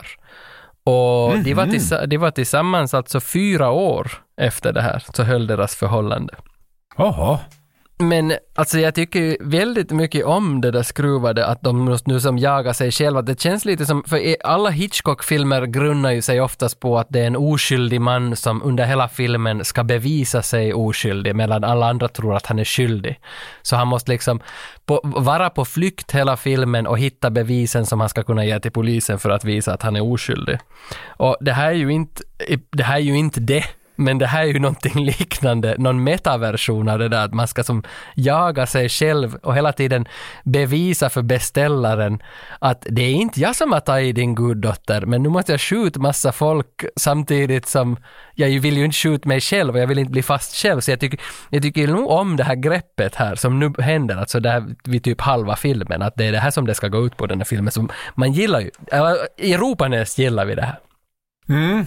Nej, men det förstår jag. Det förstår jag. Och tillbaks då till uh, Melvins älskarinna. Det är ju sant, hon har en pojkvän. Och uh, de har liksom tröttnat på, på Melvins, uh, att ha, ha den här kidnappningsoffret, Keiko, hemma hos sig. Så de lämnar av både kroppsdelarna och, och Keiko hemma hos honom. Hos hans Mm. svärföräldrar med hans blivande fru i huset. Och då blir det ju liksom lite kaos igen här då. Hon blir instängd i en bil men hon lyckas liksom fly från den där bilen. Och, och sen så kommer någon, någon jävla labrador och börjar äta upp de där, nosa i de här sopsäckarna med kroppsdelar. Så han får ju som springa av och an och stänga in henne. Samtidigt som den där jävla hunden är på utsidan och ska äta upp hans kroppsdelar. Samtidigt som grannen är jävligt oförskämd mot honom. Märkte du det? Hans granne var ju liksom, han är ju riktigt arg på sin granne. Den här äldre Ja, ja. som står och tvättar bilen, det är liksom bara ass. Get out of Ja, ja. here you asshole, liksom. Ja, ja, de har väl, grannsämjan är inte helt, helt liksom på rak linje där mellan de där inte. Hela den här scenen, alltså, jag måste nästan ändå lyfta upp den här som, som The Big Hits bästa scen, alltså. Fast det är lite märkligt, alltså, för det är ju slapstick som det här går. Mm. Det är ju som att det skulle vara jo, jo, jo, Chaplin jo. och Buster Keaton och det är ju liksom, Las, det är tillbaks till 20 Nielsen, rest in peace. Jo, alltså när en dörr öppnas så öppnas samtidigt någon annan en annan dörr och, och så går de åt olika håll och det betyder att de missar varandra. Om de skulle ha sett varandra så skulle storyn ha blivit en annan. Alltså så, eh, den här scenen är ju fylld med bara sånt och så är det någon sån slags eh, ska-punkmusik som rullar samtidigt för att få in 90-talet i 20-talet så att säga. Det alltså, jag gillar den här scenen jättemycket och, och, och, missförståndsscener överlag, om de är bra gjorda, så är de nog underhållande. Jag kollar, tajmar den här scenen sådär, att den är typ nästan sex minuter som det här missförståndsgrejen håller på. Alltså, ja, men det är som en hel jävla musikvideo. Jo, jo, och jag gillar den. Mm. Och sen lägger du ännu på att killen från videouthyrningen hinner ringa en tredje gång där också, liksom be om den där jävla filmen. Så Jo, det är och det är just ytterligare det där- liksom ett element. Jo, och här, det finns ju säkert sju, åtta element i den här scenen. Och det är just det vad jag menar som jag sa för länge sedan, att den här filmen är fylld av små, små frön som växer till stora storyn för att vi ska liksom eh, i slutet få en jävla utlösning när, när alla storyn möter varann. Att eh, det är nog så fint, jag tycker, en, bara en liten detalj från den där, den här slapstick-scenen här, att när de ska gå ut med de där roskisarna med likdelarna så att någon ska upptäcka att han har lik där hemma, så, så lyfter han upp roskislocket. Roskisarna står alltså utanför köksfönstret ungefär. Han lyfter upp roskislocket och inser att roskisen är full. Och så blir han lite besviken och släpper roskisen på marken. Och det där är ju nog som en sån där skön som alltså, de flesta kan känna igen sig när man ska föra ut skräpet till skräphuset om roskisen är full och man måste sätta den bredvid. Den där besvikelsen när man tänker på vad det kommer att börja lukta där och råttor söker sig dit. Det finns mycket sådana jättesmå fina detaljer i den här slapstick-scenen. Mm. Ja, men den är välskriven och välregisserad får vi, Jo, får vi jo, jo, jo. konstatera här. Det följs ju då med att de åker iväg med, eh, med bilen. Nu ska de till kyrkan tror jag. Mm. Eh, Synagogan helt enkelt då. Ja, gö- göra synagogiga saker, vad man nu gör där. Ja. Och eh, hon ligger ju i, Giros dotter ligger ju i, vad heter hon, Kaiko? Keiko. Ligger ju kvar i bilen, men han, han hinner ju liksom plocka ut henne då, egentligen. Mm. Och, och, och här börjar vi se, här börjar de connecta. Och Ja. de, hon vill gå på vässan. Hon, hon, är, hon, är, hon är kissnödig kort och gott och, och de börjar lite så småprata och här börjar ju liksom Stockholmssyndromet skina igenom så in i helvete så rejält så att man har sällan sett något liknande. Mm, mm, mm. Ja, han ska ju trä av henne sina småbyxor så att hon ska få kissa och trä upp dem tillbaka. Och torka! Ja, ja, men hon torkar ju aldrig sig efter hon har kissat. Hon gjorde ju inte det. Nähä. Han bara slet upp. Och han gjorde inte. Nej, nej. Det skulle vara lite Nej, konstigt okej. om man skulle ha gått och torka henne också. Kanske det skulle ha varit ett steg för långt. Men, men, Till och med på 90-talet. men, det, men det går väldigt hastigt att, att de liksom börjar i princip ha en sexscen med varandra utan att ha haft en sexscen. Alltså går, Stockholmssyndromet går sådär jävla hastigt här. Det går på 20 Jo, minuter. jo, jo, jo, det är liksom... Jo, jo, jag har aldrig sett några snabbare grejer. Hon knappt så hon har se, hunnit se honom innan hon har bara varit inlåst hos, hos hans älskarinna och liksom i bilar. Mm. Och sen är det så här, hej, titta, det här är ganska huvudnäcken, ganska snygg. Mm. Snygg kille det här. Ja, ja. Väntas nu, vilken tur jag hade. Sen är de hos bossen igen, Ja, hos Paris. Eh, ja, vad fan hände där då? Alltså ja, ja för, ja, för nu, nu är ju Giro där och har med sig jättemycket olika sådana Trace Buster, Buster, maskiner som han har byggt ihop den här gången. För att de ska väl nu ringa upp då jag vet inte hur fan är det De ska ringa upp tillbaka till de här Cisco så att säga. Visst är det så det går till? De ska försöka få Yes. tag på det gänget och Exakt. hålla honom 30 sekunder på tråden för att få reda på adressen. Men då vet de inte att de ringer till en som också har massa buster, buster, buster på sitt bord. Så det blir en kamp mellan teknologi, vem som har mera busters så att säga. Mm. Och Giro försöker liksom eh, någon sån här Wesha Boulevard. Ja, I McBride Trail. understand. Where's the boulevard? Tell me. Men den här nörten är ju samtidigt lite socialt inkompetent så han fastnar ju på det. Han fattar inte att det ska vara 30 sekunder, att de försöker bara lura honom. Medan då Cisco står i det där samma rummet varifrån Giro ringer och hela tiden Put at the goddamn phone! Säger han åt sig själv utan att säga det i ljud för då skulle han ju avslöja att det är han som ligger bakom kidnappingen. Men de får, ju, de får ju hans namn och de får ju hans adress och så rustar de upp 50 killar ut och jagar den där jävla uh, nörtin då till hans adress som då är då Ciscos kollega eller hela det där gängets kollega. Exakt, så de åker dit för att hämta honom. Och meanwhile så är Marvin mer och mer pratsam med det kidnappade offret. Han, han har börjat mata henne och Ja, det heter han väl? Melvin. Marv. Men han kan heta Melvin. Melvin, Marvin. Men- han utvecklas här i mitt man, talmanus under. Han börjar med Mike och sen är det Marvin och sen blir det väl Melvin till slut. Han, men han har väl bara hett Marky blir rätt. Mark för mig hela tiden. Jag orkar inte fundera på vad det heter. Marky Mark får han Ja. också. Nej men i alla fall Melvin, han matar ju henne och de har djupa samtal om relationer, om hur det är att vara omtyckt och så vidare. Ja. Liksom. Så man märker att nej men, mm, mm. Ja, för hon kör ju någon sorts, alltså hon kör ju någon sorts psykologi, hon psykologar honom där. Och hon kommer ju fram efter te- tio minuters samtal att Hej, eh, Melvin, du är alltså under tossan. Du är under toffeln. Ja. Det är ditt bekymmer. Så det kom de fram till, så det vet vi det. Hans bekräftelsebehov betyder att han är under toffeln. Och sen är det nu då snabba, snabba scenbyten här, så nu är de i hangaren. Och han sitter liksom den här eh, då pantade killen, som jag kallar honom, den här lite halvdumma, är, är, är eh, den, den fyrskaliga gangstersquaden. Och kikar på musikvideon. Jo, Men då kommer ju goonsarna in. ja, Och då kommer ju han, eh, Sis, vad heter han, Cisco, ja. kommer, kommer in liksom och ska säga åt den här nörtin att Vittu, nu säger du att det var Melvin som är mastermind bakom den här kidnappningen. Det är inte jag. Nämn för fan inte mitt namn. Han står ju där liksom och mimar med munnen typ och försöker liksom få honom att sådär Vittu, säg att det var Melvin. Säg Vittu att det var Melvin, satan. Ingenting annat duger. Och då förstår ju Och, inte eh, nörtin heller någonting. Att varför står du och viskar åt mig? Varför är du här i mitt Ja. hem och ska skjuta mig med hundra andra män? Alltså det, det är nog skruvat. Otroligt, men och skruvat. Men ändå fu- fungerande. Mhm. Konceptet funkar.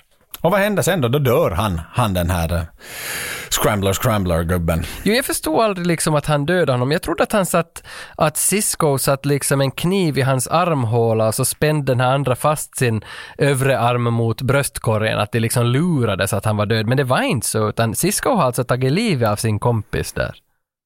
Jajamän, sin kollega. Han har dödat sin kollega för tystnad. Ja, ja, för att liksom rent få sitt eget rykte, så att säga.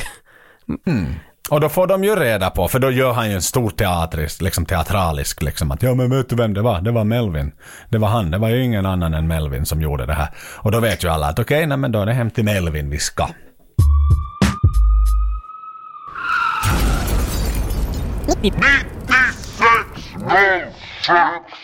Och tillbaks till Melvins hus nu då. Nu står han och ska göra judisk kosher matlagning. Tillsammans med den kidnappade kvinnan. Men vadå judisk korsa? De står ju och fingrar en jävla, alltså satans höna. Ja, ja, ja. Jo, men då han är ju en massa, massa liksom kippar och koppar på, på den här kastrull, eller kastruller på, på spisen här. Så att han, han följer ju en judisk kokbok då, för det skulle vara koshermat helt enkelt. För att den ska vara... Men alltså det är så jävla... Jo, då, alltså, så här blir det. Det. Kommer på en kärleksfull balladmusik och så liksom när de är klara med kastrullen så plockar de fram en stor kyckling som de ska liksom marinera på ett helt alltså ett sensuellt sätt. De står liksom båda med händerna och rubbar på en rå kyckling. Ja. Liksom. Och, och det är ju sådana sexuella liksom konnotationer som växer här och Ja. sen kommer det in i det här med att han klottar någon, någon marinad på hennes ben Ja. och går liksom ner på knäna med en handduk och liksom börjar torka henne som någon jävla massagesalong. Så jävla sensuellt. Och så börjar de ju liksom kladda på varann utan att ha tvättat händerna efter att ha rört rå kyckling. jo, jo. jo, jo. Men det är ju, man måste Det är så jävla äckligt. man måste ge dem det ändå att det är en ganska fantasifull sexscen. De visar som hela, hela spektret utan att aldrig säga någonting. liksom.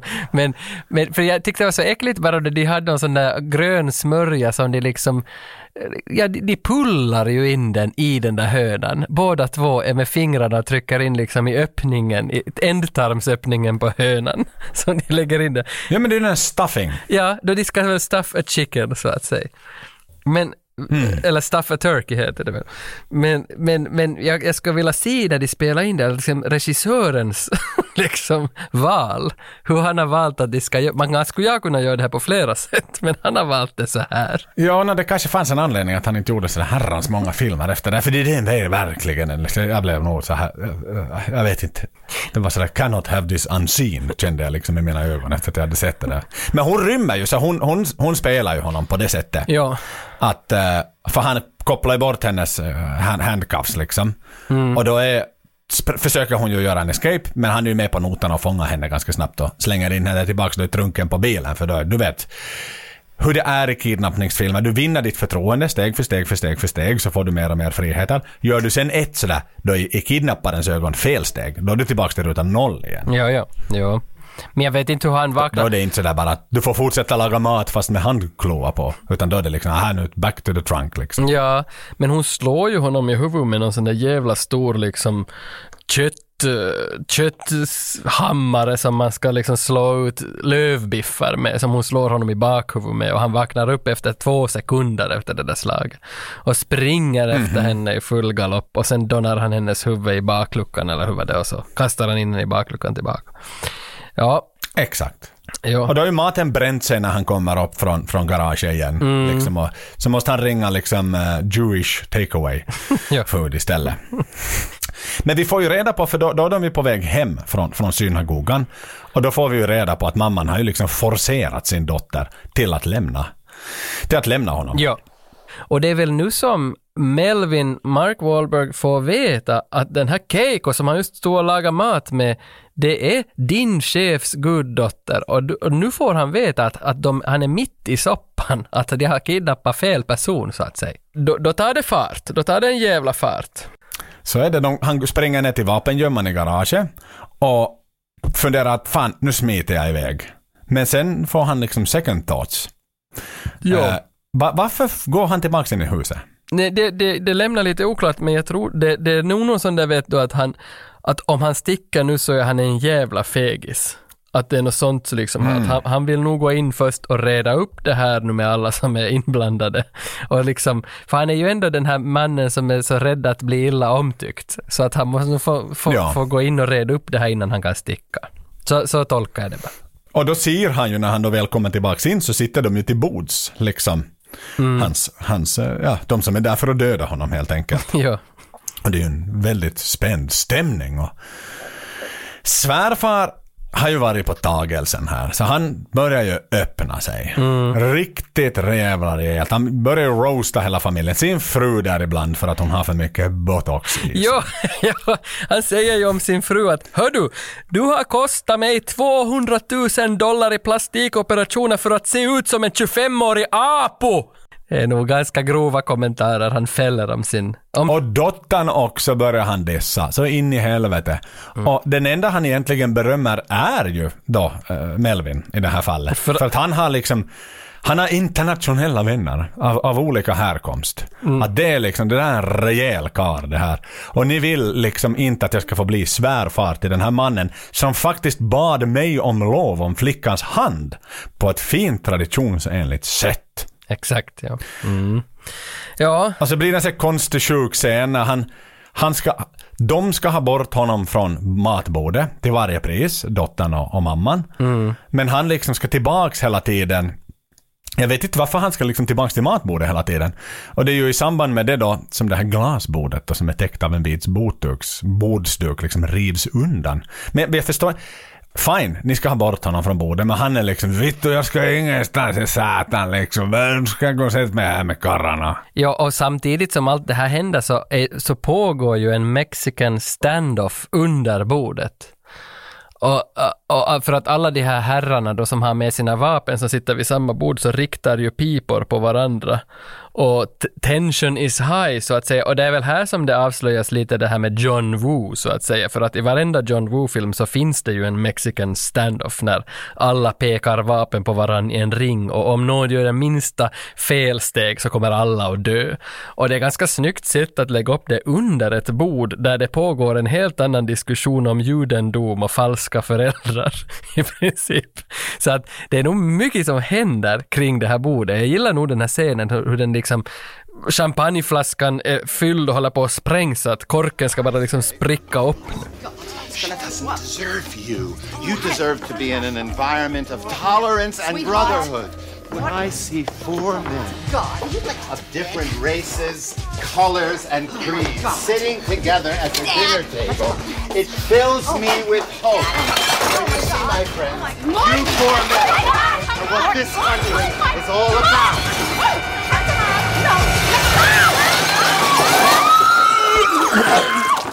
Oh, gross, you nasty mother!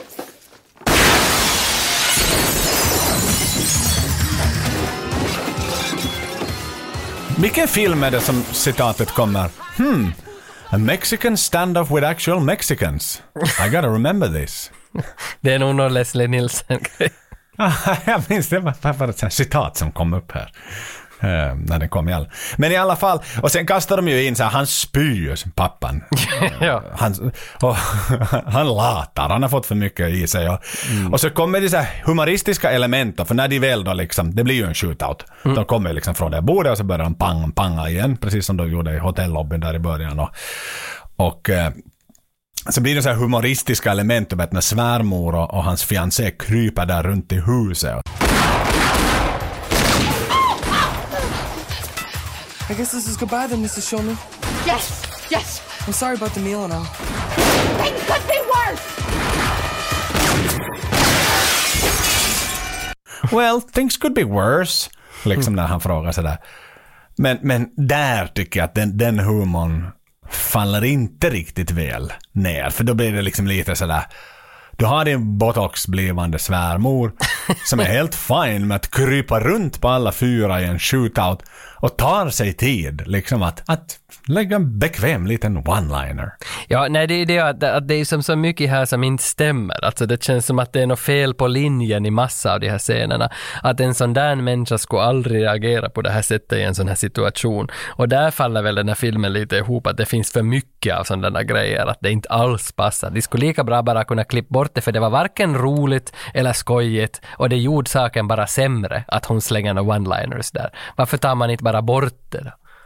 Nåja, sen slutar ju den där shootouten med att de smiter iväg i sin bil. Han har en gul sportbil och, och, och fem goons hänger ur en stor SUV. Alltså bokstavligen, varenda jävla fönster i hela bilen liksom är fyllt med en goon som, som sticker ut och skjuter liksom mot honom. Jag älskar det. Och det är Mark som kör den här gula bilen och den här scenen är ju helt Jajamän. fantastiskt gjord alltså. Och kidnappningsoffret då slänger han in i, i bakluckan. Och det är en ja, ganska lång scen. Men sen nu kommer vi tillbaka till den här Google Maps-problematiken att varför är Boss, varför är Paris och Nishi ute och kör på samma väg i sin limousin? Ja. Vad gör de just där och då? Hur råkar de veta? Är det bara slumpen? Nej, alltså jag, jag, jag förstår inte heller riktigt det, men kanske de har vet du varit a, a few blocks away och så har de liksom väntat att det skulle, att, att Marcus ska dö där i hemmet och så ska de sen köra in och plocka åt sig dottern tillbaka men sen kanske de följer på håll när Marky far iväg därifrån huset. Jag, jag vet, men det är hemskt oklart, men det blir ju bara som värre sen för sen kommer ju den här liksom Chantel, den här vänsterprasselbruden och hennes nya kille kommer ju också på den här samma vägen. Ja. Exakt! Varför skulle hon vara där? För hon kräver ju, hon kräver ju Marky Mark hon på 25 000 för de där räkningarna fortfarande och han vill betala henne ännu. Och, det, och, Ja. och hon har skaffat en ny kille som bara älskar att pressa ut hennes vänsterprasselskille. Och, och att alla de här hamnar, och Cisco är ju också där med sin bil på samma jävla väg. Inte var ju han heller hemma hos Marky Mark inte, men nu är de alla på den här vägen och jagar varandra och kastar handgranater på varandras bilar. Och, och, men men här, här börjar jag nog också ifrågasätta att sådär att var inte Marky Mark och Cisco kompisar? För att eftersom jag såg på VHS så man missar ju lite och man missar lite det här ljudet lite dåligt och sådär. För Jag förstod inte ännu riktigt här att, att Cisco hade liksom förrått Marky Mark. Jag trodde att han fortfarande försökt hålla upp en skepnad att vi ska nog ännu bli vänner, det är Paris vi ska ha livet av och ta pengarna av Giro. Men, men här börjar han ju liksom skjuta mot sin kompis Marky Mark. För jag levde ännu i en tro att, att han inte hade dödat den här nörtin utan satt en kniv i hans armhåla helt enkelt. Det går ju väldigt vilt till där på vägen. Den där jävla limousinen glider långt ut i skogen och, och, och, och samma, samma går ju med Marky Marks bil eller hur där den, den, nu, nu den hamnar i det här trädet va? Eller är det så att den ännu är liksom i skick? Eh, jag har för mig att den ännu är liksom i körskick, den bilen. Men det är då han hittar den här väskan, för de tappar ju ut den här väskan på vägen. Ja, vad var det Och för då han väska? tittar i väskan. Nej, det är den här väskan som hans älskarinna har då. Eh, vad heter hon? Chantel. Chantel, som ju innehåller 25 000 och videofilmen. Det var liksom de två sakerna. Så går han ju liksom och, och är sur och härjar liksom åt dem att Måste ni ta den här filmen också liksom? Att, varför måste ni ta den här filmen? Men vi, alltså, eh, eh, vilken, kommer- det- vilken film är det? Är det King Kong det där då? King Kong-filmen ligger fortfarande med där i väskan. Så det är ju inget snack om saken. Men alltså, ja, men, för det är, jag vet att det är en, det är en sån där ledarportmonnä. som man, som man, Mm. Men vem hade den här väskan just alltså, i vilken bil var den där väskan från första början? Den var, äh, väskan var i mistressen, mistressens bil, hans älskarinnas bil. Just det. Men de tappar ju liksom ut den för de krockar ju också. Och då kommer ju, då kommer ju hans, den här eh, Cisco, latinokompisen, Ja. som ännu då är i liv trots att han hade krockat och haft sig och det hade gått illa.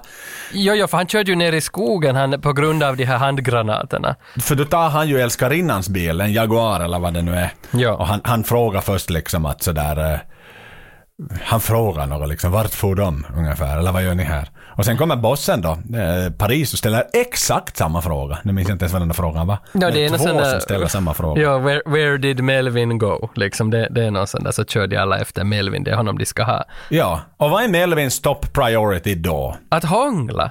Han, han ska ju sitta i den här bilen och hångla med den här Keiko. det, det, ja, och, och vad är hans top priority efter att han har hånglat? No, det, jag skulle säga att det, han, han ska på något vis lämna tillbaka den här videokassetten. Ja, för det är ju det man gör när man har liksom en massa guns efter, "Nå, vittu nu måste jag nog fara till Makoni och lämna tillbaka den här filmen. Ja, Vad fan är det där? Ja, men jag kan förstå honom. Jag brukar nog också sätta det högt i listan, liksom, att lämna tillbaka Ja, för- filmerna. För nu är den så sen, så nu är det liksom, vet du, han blir svartlistad snart. Ja. Från den här videouthyrningsbutiken. Ja. Åh herregud. Och samma den här balladen börjar ju spelas där i bilen igen, som spelades när de marinerade kyckling. Jo, jo, jo, jo, det är kärleksballaden. ja. Ja, men, men Cisco kommer ju som i full fräs och krockar med all kraft han bara har in i då Marky Marks bil där han sitter och hånglar med Keiko. Och, och, och de blir väl då pushade över en bergsväggskant och landar på en, en stor gren som växer ut från bergsväggen. Och, Ja, och här vill, här vill jag stanna för det är ju inte jävligt ologisk location med tanke på att han åker liksom in till stan till en liksom hyrbutik för att lämna in en videofilm och ett hux flux bara där i närheten finns det någon sån där jävla ödemark med stup. Mm, mm. Ja, det, Det förstår jag mig inte alls på. Nej, nej, men, men, men du förstår i alla fall dig på impulserna att nu är det bråttom och nu är det panik. Och det är de här sakerna att så länge du förstår att det händer mycket nu så är vi ändå på rätt fot här. För att det, är, det är inte så stor skillnad var allt det här händer, bara det är häftigt. Och det är ju fucking häftigt. Det händer ju så mycket som man hinner ju så satan inte själv med heller. Och det är ju fortfarande liksom högsta prioritet att lämna tillbaka den där jävla filmen, även om han ju nu konstaterar att Cisco måste dö först. Ja, ja. Mm. Uh, men sen, sen slåss han väl med Cisco i, nere i djungeln. Efter de har ramlat ner från bergväggen så, så visade det väl sig att Cisco inte var död en tillgång fast han borde ha dött igen. Och så slåss de ner i skogen och börjar skjuta på varandra och eh, där finns ju en sån där fin scen också när han tappar, Marky Mark tappar sin videokassett i skogen och sen så snubblar han, snubblar och tappar kassetten och så tittar han bakåt och där står Cisco i bilen och gasar och är redo att köra över Mark och så klipper det till en närbild av King Kong-kassetten och så blir den som emellan på något vis att han måste hinna springa till kassetten, få bort den, kasta sig loss åt sidan och Cisco kör förbi bilen. Att det, det, Den här videokassetten får ju liksom omåttligt stora proportioner liksom i betydelse för den här storyn. Och det kan ju vara uppfattas som lite skoj, tycker jag. Jo, jo, det är ju lite så att så egentligen så här andemeningen du hade kunnat skriva om skulle du vilja skriva om den där baktexten som du läste upp i början av avsnittet så skulle det kunna liksom, skulle det kort och gott kunna stå en VHS-kassett, en hyrfilm som måste returneras till vilket pris som helst. Ja, det skulle ju ha låtit som en actionfilm från, sån här indie-actionfilm från 2021. Det. Att det är liksom att Ja. man gör en sån här liten grej till en stor story som sägs i slutändan handlar om universum och svaret på vad är kärlek? Men det, han, det som vi ser är bara liksom en videokassett som ska lämnas tillbaka. Det gjorde lite fel i marketingen, det borde ha mera varit sån grej tror jag nog än att någon sån här antika grejer och stora saker som händer i jakten på en dotter. Eller liknande. Ja, för då kanske den skulle ha blivit lite mera cred i den här filmen på ett sätt. Liksom fått lite mer kult ja, ja, ja, jag tror det. Status också. jag tror det. Men sen är det ju en ganska skön sån här kill-scen här, just när de ligger då liksom och slåss. Och den här jävla gula bilen som fortfarande hänger uppe där i trädet, rakt ovanför dem på grenen. Ja, hur det, det ramlar ner, rakt på latinovännen. Ja, ja. Rakt på Cisco. Och det blir en sån satans explosion. En riktig John Woo-explosion. Har du märkt hur mycket den där bilen faktiskt exploderar? Den, den exploderar större än hela berget. Det är så mycket Ja, där som ja. kan explodera. Bensintanken, det är väl egentligen bara bensinen som ska sprida ut i den där explosionen. Och det är liksom det ska ha varit använt 16 ton bensin i den där bilen. Liksom. Exakt. Ja. det är helt galet egentligen. Ja. Och då tänker man att nej men bra, nu är Cisco död en gång för alla. Det är liksom, let's chill out och gå och lämna tillbaka den där jävla filmen.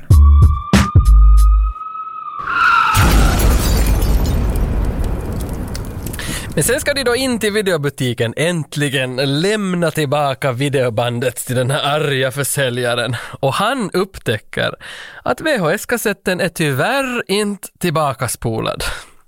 Och då, alltså det, där, där slår man nog liksom nerv på någonting hos mig, för det där gillar jag nog mycket. Jag satt nog och mös till det där att den inte var tillbaka spolad. För det var ju en grej som man, på Makuni i Vasa eller Filmtown, var det var så, man blev ju bötfälld för sånt där. Att man kunde ju måste liksom böta fyra mark till ifall man inte hade spolat tillbaka filmen. För att då, då måste de göra det. Jag minns det så väl och jag minns när man någon gång hade bråttom och inte han Ja. rewinda den där jävla filmen. För man hade, det fanns ju olika hastigheter. Det fanns ju sen sådana mer avancerade som spolar så satans snabbt. Jo, jo. Och sen fanns det de här som spolar ganska, och det tog ju flera minuter att spola liksom i vanlig hastighet. Men då hann man inte ibland, utan det var så här, man skulle iväg och sen, när vitt jag, jag glömde spola tillbaka den. Och så hoppades man ju att de aldrig skulle öppna det där fodralet och titta, för du kunde ju titta direkt, vad, vad låg bandet på höger eller vänster sida? Mm. Och då visste du ju direkt. Och, och ibland kom man ju undan med det där, du hade någon sån där Nej men ung, omotiverad liksom arbetstagare på Mahoney. Som bara tog den liksom och skannade in den tillbaks. Och sen hade du de här, typ den här filuren som var lite mer nitiska. Som bara ville sätta dit folk och tjäna extra pengar. Mm. Åh, man får så fina minnen. Jag minns att jag har stått liksom och klätt på mig och leta efter bilnycklar medan man har hört VHSen spola tillbaka för att oj fan jag har glömt och så sätter man den och spolar och medan den spolar så hann man äta en smörgås vet du, och göra sig för... det är nog liksom att det är nog så jättefina minnen det här med VHS ljudbandarljud. Eller VHS bandspelarljud heter det. Nåja, skitsamma. Det, det, alltså Cisco har ju dött nu fem eller sex gånger i den här filmen, alltså Lou Diamond Phillips. Och nu när, han, när Marky Mark står och grälar om den här tillbakaspolade videon så dyker Cisco upp igen in i videobutiken. I'm gonna finish what I started, motherfucker. No, no, please, no. Uh, Buckle up, bitch. Yeah? Let's go, motherfucker. Let's work. Och, och, och man är sådär att hur i helvete, nej men det, det är film, han överlever allting. Och då börjar liksom, ska man kalla det här nu då för en bossfight? Det är här handgemäng ska liksom ensus, eller hur ska man säga det? Det är slutfighten på, för tredje gången. Ja, nej, det är det. Jag trodde att filmen var slut för länge sedan alltså, men den bara fortsatt med scen efter scen efter scen för att Cisco alltid överlevde.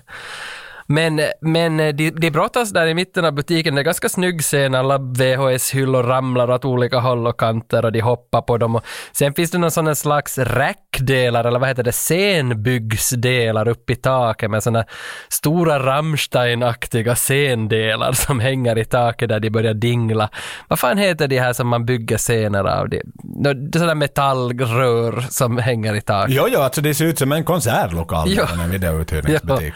Och på den började de liksom balansera och slåss. Och Marky Mark har ju någon slags uh, självmordsbomber spända runt sitt bröst också. Eller så Ja, det fattar jag inte. What the fuck? Liksom, vad, var den grejen? Jag förstår inte riktigt heller. Men han har bomber runt sitt bröst som man ska klämma ihop för att aktivera dem och sen explodera dem en minut senare. Eller sådär. För att Cisco kommer åt den här ryggen på Marky Mark strax innan Cisco får en kniv i bröstet eller hur det var så kommer han åt bomberna, trycker Mm. ihop dem och en timer startar på Marky Mark och han måste klä av sig den här bomben, lämna den bredvid Cisco och springa ut ur videobutiken före, före det exploderar.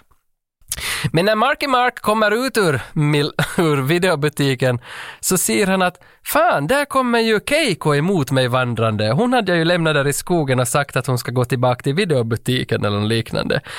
Och när hon kommer emot honom så kommer också Paris och Keikos pappa i bilen bakom och så blir det en riktig jävla soppa att nu möts alla utanför butiken. Och vad gör Marky Mark då? Han vet ju att det är en bomb som just ska springa, spräckas in i, in i butiken. Han väljer att vända tillbaka, vända ryggen och gå in i videobutiken igen och vänta på smällen. Och den där smällen, fy fan vad den smäller. Och här så blev det nog mycket sådana synapser i hjärnan att går han in tillbaka för att ta livet av sig eller för att låta Paris tro att han dör eller Giro låta att, att, att, att, att de ska tro att han dog, att han har någon plan att gömma sig in i butiken för att den exploderar eller liknande. Jag kan inte ta det på allvar när du säger Paris. Det är ett jävla dåligt namn. Paris kommer liksom. Och han är den värsta bad guy-bossen. Ja. Paris. Ja. Ja, nej, jag, jag, har svår, jag har svårt med Marky Marks motiveringar. Inte för att jag fan vet vad jag skulle göra. Du har Paris och Giro, de kommer att skjuta dig i huvudet. Och du har eh, Keiko där som du just har hånglat med och blivit kär i. Och bakom dig så finns din döda kompis och en bomb. Så att, eh, vad fan ska man göra? Inte kan han ju börja springa åt, han, han, Kanske han gjorde det rätta valet att gå in tillbaka och så sprängs butiken. Men det är ju Ja, ingen som jag tror det. Inte det är ju någon som tror att Marky Mark skulle, kommer att dö där inte, utan det visar ju sig att Marky Mark hade, hade gått under uh, Keikos pappas filmposterarrangemang. liksom, eller vad man ska Ja, kalla som var det. gjord av någon sån här tung metall. Alltså en sån här riktigt dyra reklamgrejer. Liksom. Jo, jo, den här, Skitdyra promomaterial. jo, den här Golden Shower-filmen eller vad den nu The Spray from Heaven eller något. Han hade gått och gömt sig under en sån där stor filmstaty och blivit skyddad där.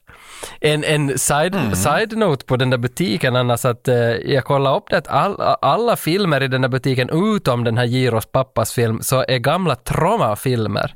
Att varenda jävla plansch på alla väggar och allting så är Tromas utgivna filmer.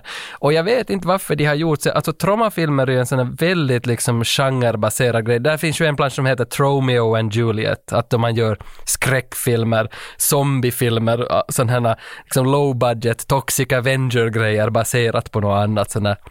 Det är ju en, en low budget kultur, C-filmer egentligen. och då, och hela butiken är fylld med sådana posters. Så det är nog, det, det är nog, alltså det är någon nörtig som har gjort den och som har inrett den här butiken helt enkelt.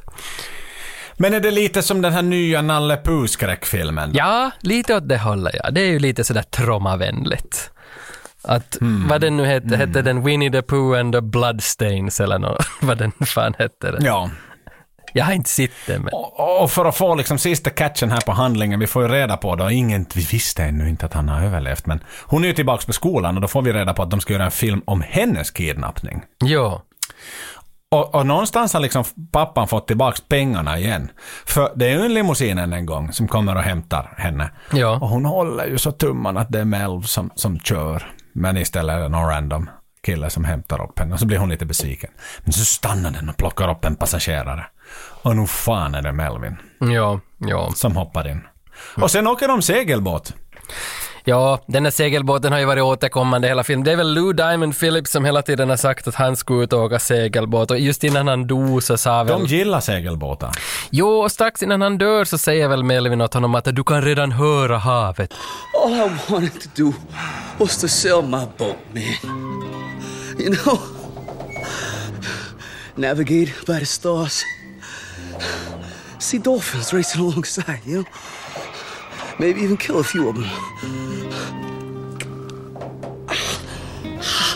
Yo, Mel, I could almost see it, man. It's fucking beautiful.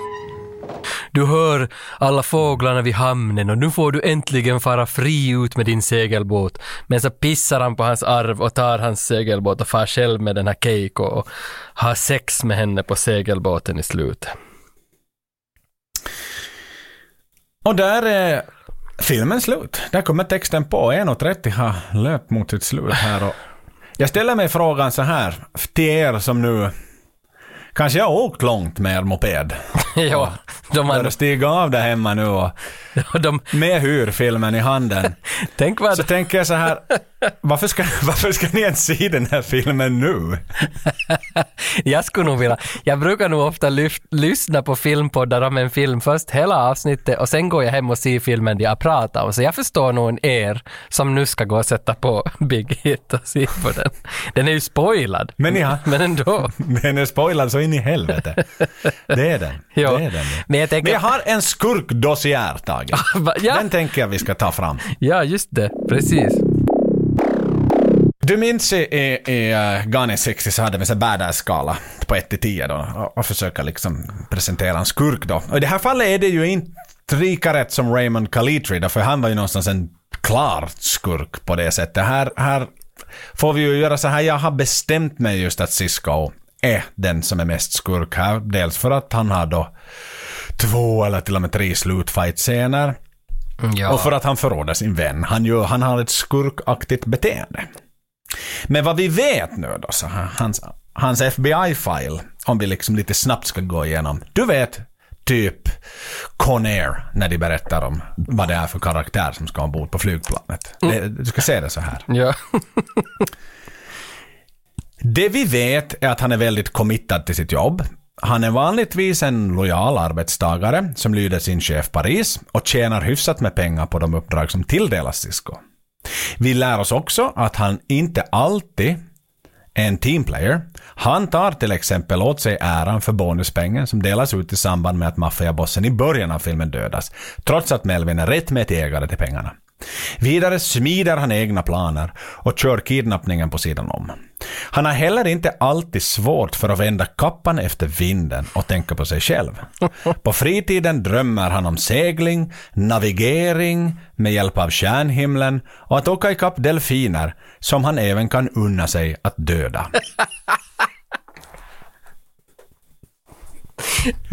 Det, det fina är ju att han säger ju fan just det där att maybe see a few dolphins, maybe kill one of them.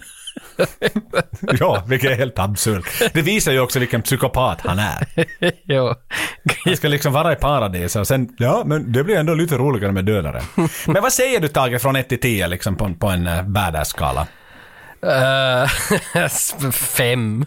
Alltså, Jag, jag tycker att Raymond Calitri, Gone in 60, var nog mycket liksom mera som Äh, äh, hade onda uppsåt på ett annat sätt liksom, äh, tydlig plan medan medans den här Ciscos plan liksom på något vis lever med längs filmen och kanske de här, hans beslut, onda beslut han gör är kanske inte alltid så genomtänkta så att därför känns han inte så ond utan han är mera sådär apropå ond.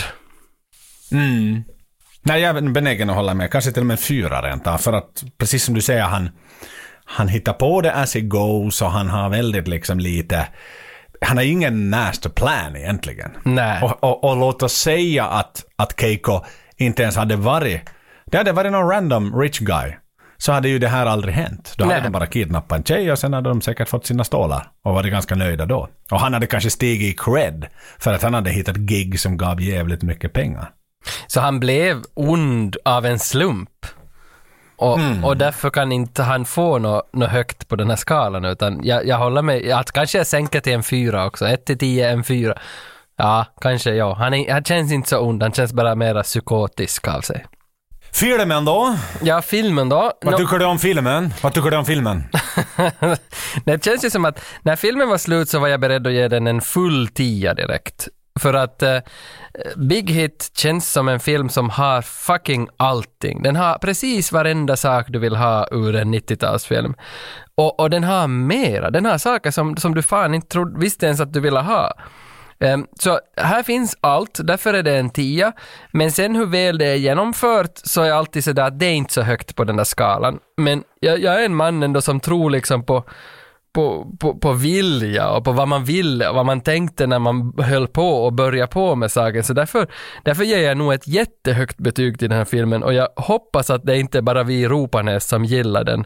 Även om nu i mera äldre ålder så kan jag uppskatta, eller kan jag se att den inte är så bra den här filmen, men jag vill, min vilja vill ge 10 till den här, men jag vet att det inte stämmer.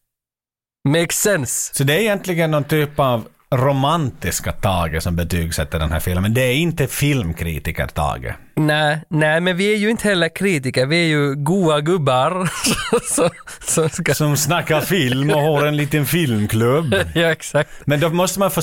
Man, så, så du menar Tage att man får inte säga vad man tycker i den här podden? Nej, alltså, man, man ska säga vad hjärtat tycker, inte vad hjärnan tycker. Och din, ditt hjärta ger den en full tia. Eh, ja, men hjärnan ger den kanske en sexa. Så, så vi- landar på fyra av fem, en fyra. Jag tycker ändå om den. Jag tycker den är väldigt charmig. Jag tycker om att man har så mycket små grejer som växer sig stora. Jag tycker om karaktärerna eh, på det sättet att hur jag vill gilla, men jag hatar ju det. Jag tycker ju de är äckliga också, men, men samtidigt så finns det någon charm i att de är sådär äckliga. Men Nej, jag vet inte. Den är svårbedömd, men jag ger den, om vi, om vi lämnar det så att jag ger den ett högt betyg. Så gör jag. Var, var, var landar du själv då? Jag tycker att den här är smaklös. ända sedan minut fyra så ville jag att den här filmen skulle ta slut. Jag, länge sedan jag har haft sån här, du vet att det, som musklerna har dragit ihop sig i kroppen, liksom, alltså sån här cringe, liksom, det har, kramp nästan har jag fått. I, i, i speciellt vaderna. Alltså just den här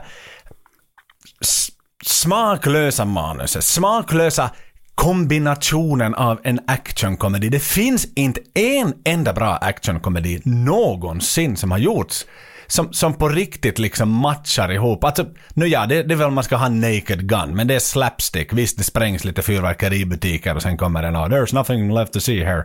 Liksom, då är det kanske är det närmaste. Men jag tycker att det är en så en action för mig, då ska du ha en hjälte och då ska det sprängas och du ska känna liksom yeah, fuck yeah, yeah, yeah. Och en komedi ska vara en komedi. Men det där, kombinera de här elementen och att det här med den här så då, de hade inte ens efternamn. Det heter Paris. De heter Crunch. De heter Vince. De heter Cisco. Liksom, inte ens Gump finns det också någon jävel som heter och Lance. Det är bara Giro Nishi som tilldelas ett jävla efternamn i den här filmen. Ja. Så att...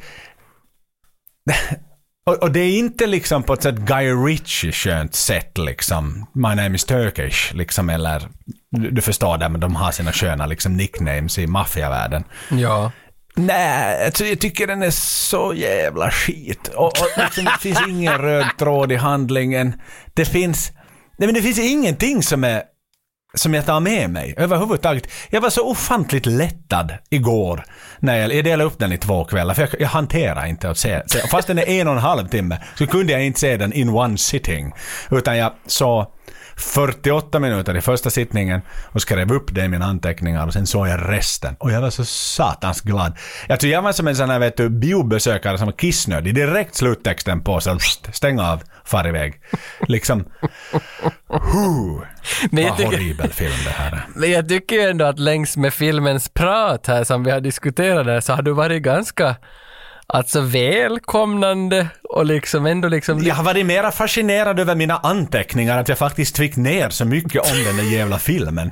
Men jag kände mig som i, som i Clockwork Orange, du vet när han sitter med sån här satans tandpetare i ögonen och är tvungen att titta på det. Alltså det, det är, nog, är det nog ett jättedåligt betyg som du ger till The Big Hit alltså. Det, Ja, men jag, jag kan inte komma på en sämre film än det här. Jag kan inte komma på, fast hur mycket... Det skulle vara den här Kali Sota som du någon gång hade på DVD från någon sån här en euro Ah. i Antilla. det är den där Mrs Caldicots Cabbage War från 92, tror jag. Exakt. Som jag aldrig har sett. Men som liksom, jag kan föreställa mig att den var ännu värre. Men vi såg ju någon gång igenom den där serien Rich Man Poor Man. Minns jag som... Det gjorde jag, jag minns bara namnet, jag minns inget annat. Jag minns bara att det slutar väldigt abrupt alla avsnitt och så kom den där sluttexten. Men sen kan det ju nog kommit fram när man har forskat i liksom och doktorerat i film efter det att Rich Man Poor Man är ju på riktigt någonting väldigt omtyckt och eftersträvansvärt. Att det var någon bra serie som vi såg. Men vi köpte ju bara den för att den var billig. Ja, exakt. men, men en sak kan man ändå säga om The Big Hit, att det finns ju väldigt mycket att diskutera om den här filmen. Och det, därför, därför var den bra för oss också att liksom, att, eh, liksom hantera och, och fundera kring. För att det här är ju en film med jättemycket tveksamheter som man gärna snackar om för att bli klok, klokare på att förstå gamla filmer. Jag är ofantligt glad att vi gjorde den här filmen, don't get me wrong där, men jag gjorde den bara i studiesyfte. Och jag ska väl säga så här, hade jag då inte kunnat sitta med tryggheten av en laptop i min famn och veta att jag jobbar, så att säga, inom stort citationstecken. Då hade jag nog gått liksom och jag, jag hade bett någon slänga ner en gul sportbil på mitt huvud. Precis. Ja, nej, nej, den är, alltså, jag håller med vad du säger. Jag tycker också den är förfärlig, men samtidigt så finns det någonting i mig, eh, egentligen säkert bara nostalgiska minnen av Christina Applegate som gjorde den här filmen så viktig för mig.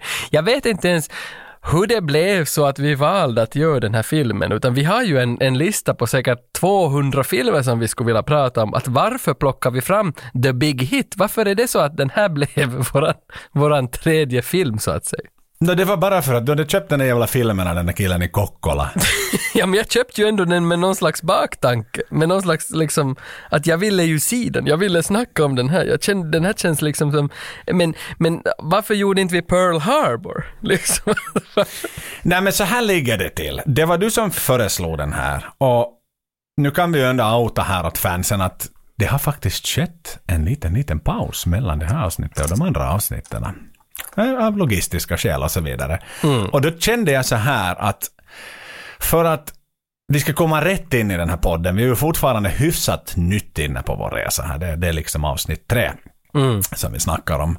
Så ville jag liksom inte gå i en clinch med dig. Jag ville inte skapa någon typ av maktbalans där jag kommer med ett motkrav och så behöver vi förhandla till oss vilken film det blir. Utan jag tänkte att fuck it, it's gonna be good. Och jag tänkte så här, titta på det, Mark, Wahlberg, det är den tiden när det var mycket bra action som gjordes. Den här är säkert cool och den är säkert bra. Och när, sen fick jag ju för mig att det var John Woo som hade directat den, så jag hade ju enormt höga förväntningar och jag var så här, hur fan har jag missat den här jävla filmen? Liksom, den är ju typ efter Broken Arrow och Face-Off. Liksom, man borde ju ha liksom gått och slicka i, i liksom asfalten utanför biografen liksom direkt när någonting, det släpps en trailer med en ny John Woo-film. Så det, är liksom, det var ju, det, jag köpte in på att det här var en John Woo-film. Men, men sen nej. Det, det, det, det fick jag ju chi. Bara för att han hade ett asiatiskt namn så var det inte John Woo. Precis. Jag läser så här bak på VHSen här nu att det som vi har missat här att Marky Mark har alltså med en låt i filmen som heter Don't Sleep. Står det stort här på Ah. baksidan. Jag, jag blev livrädd att du skulle ha sagt att det här är en remake på en gammal film från 40-talet. Då hade jag Nej. liksom gått upp på riktigt. Då hade jag stigit upp och gått ut. Det är som, då, det är som de nämner, Adapted screenplay. det som de nämner på baksidan här att det är Christina Applegates största filmer, är alltså Jane Austens Mafia. Alltså den här parodin på alla maffiafilmer, det som är, har varit en av Mm. mina favoriter genom alla. Är det fan hon som är frun till den här jävla, alltså... Som det? Horselska. Ja. Horselska den filmen. Jo, jag gillar också, alltså Armani Windbreaker heter väl, heter väl huvudrollen. De läste väl in i hans jacka att han var It's an Armani Windbreaker. Vad han, vitte den är nog rolig, den Jane Austens Mafia. Ja, det är hon som är alltså är, är den här kvinnan på bilden, den här blonda kvinnan på planschen, det är hon som är Applegate. Ja, ja. Och så står det att de utlovar här, längst ner står det att vi utlovar att den här filmen är full fart och skotten tar aldrig slut. Och så står det ännu större att det här är den oklippta versionen. Det för jävla oklippt version? Den är ju klippt tusentals gånger. vad, men, vad betyder oklippt version? Ja, skitsamma. Nej, men det är för att sälja mer. Men jag skulle säga enda positiva med den här filmen eh, är att Bokim Woodbine är med som sen kommer att spela Massive Genius i Sopranos. Heter den alltså Massive Genius i Sopranos? Yes. Jajamän. Gå in på YouTube nu och så trösta ner. Och titta på en massa compilations av Massive Genius i Sopranos istället. Det är money, eller time and much more well spent. Och slutledning eller slutorden jag skulle vilja liksom ge för den här, för det här avsnittet är att jag och Joel, eller Joel kan jag inte kalla dig, du är ju Mike Foxtrot. Colonel Mike Foxtrot. Colonel. Colonel, eh, var du ens Colonel? Nu minns jag inte. Vad det sa? Det var Colonel Mike Foxtrot. Det är Colonel. Ja. Bara för att det, det, det skrivs så roligt. Kolonel. Ja, Colonel Och så Mike man det Foxtrot. Colonel. Så, För det är en sån här titel, jag menar alla, i finska armén, säkert svenska, då har man general, och man har major och man har sergeant. Och det är liksom, det är lättöversättliga. Men jag kan inte säga vad en kolonel är på, som, i, i våra militär liksom, breddgrader. det är skitsamma vad det är. It's a colonel. Det är, det är jävla Och coolt. lut, lieutenant är ju löjtnant, men vad är en kolonel? Vad- vad- det var en cool titel. Jag tror att man är ganska högt upp i hierarkin. Man är, man är nog är högt i alla ha. fall. Det är man nog. Men jag, uh, Coma Cop och Colonel Mike Foxtrot har tillsammans funderat ut en liten grej som vi vill öppna upp här nu i poddens tredje avsnitt som kan vara lite spännande. Det är inte en tävling skulle jag säga utan det är mer en en liksom, vad ska man säga, en utmaning eller som en sammankomst av lyssnare. Och att vi har lite tänkt en sån grej att uh, ni som nu lyssnar på det här, att, um, om ni vill välja film, vad vi ska snacka om, så behöver ni göra följande sak. Alltså, skicka in till oss hit till studion en VHS-kassett av den film som ni vill höra att vi pratar om. Och när vi har fått in fem stycken VHS-kassetter så kommer vi att lägga ut en bild på sociala medier med de här fem kassetterna som vi har fått in. Och då ordnas en omröstning där att vilken av de här fem tar vi som nästa avsnitt.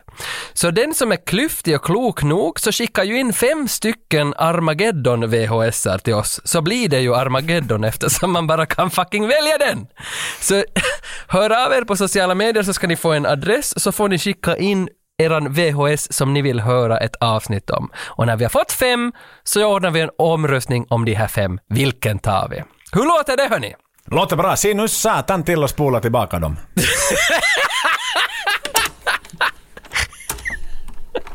Exakt!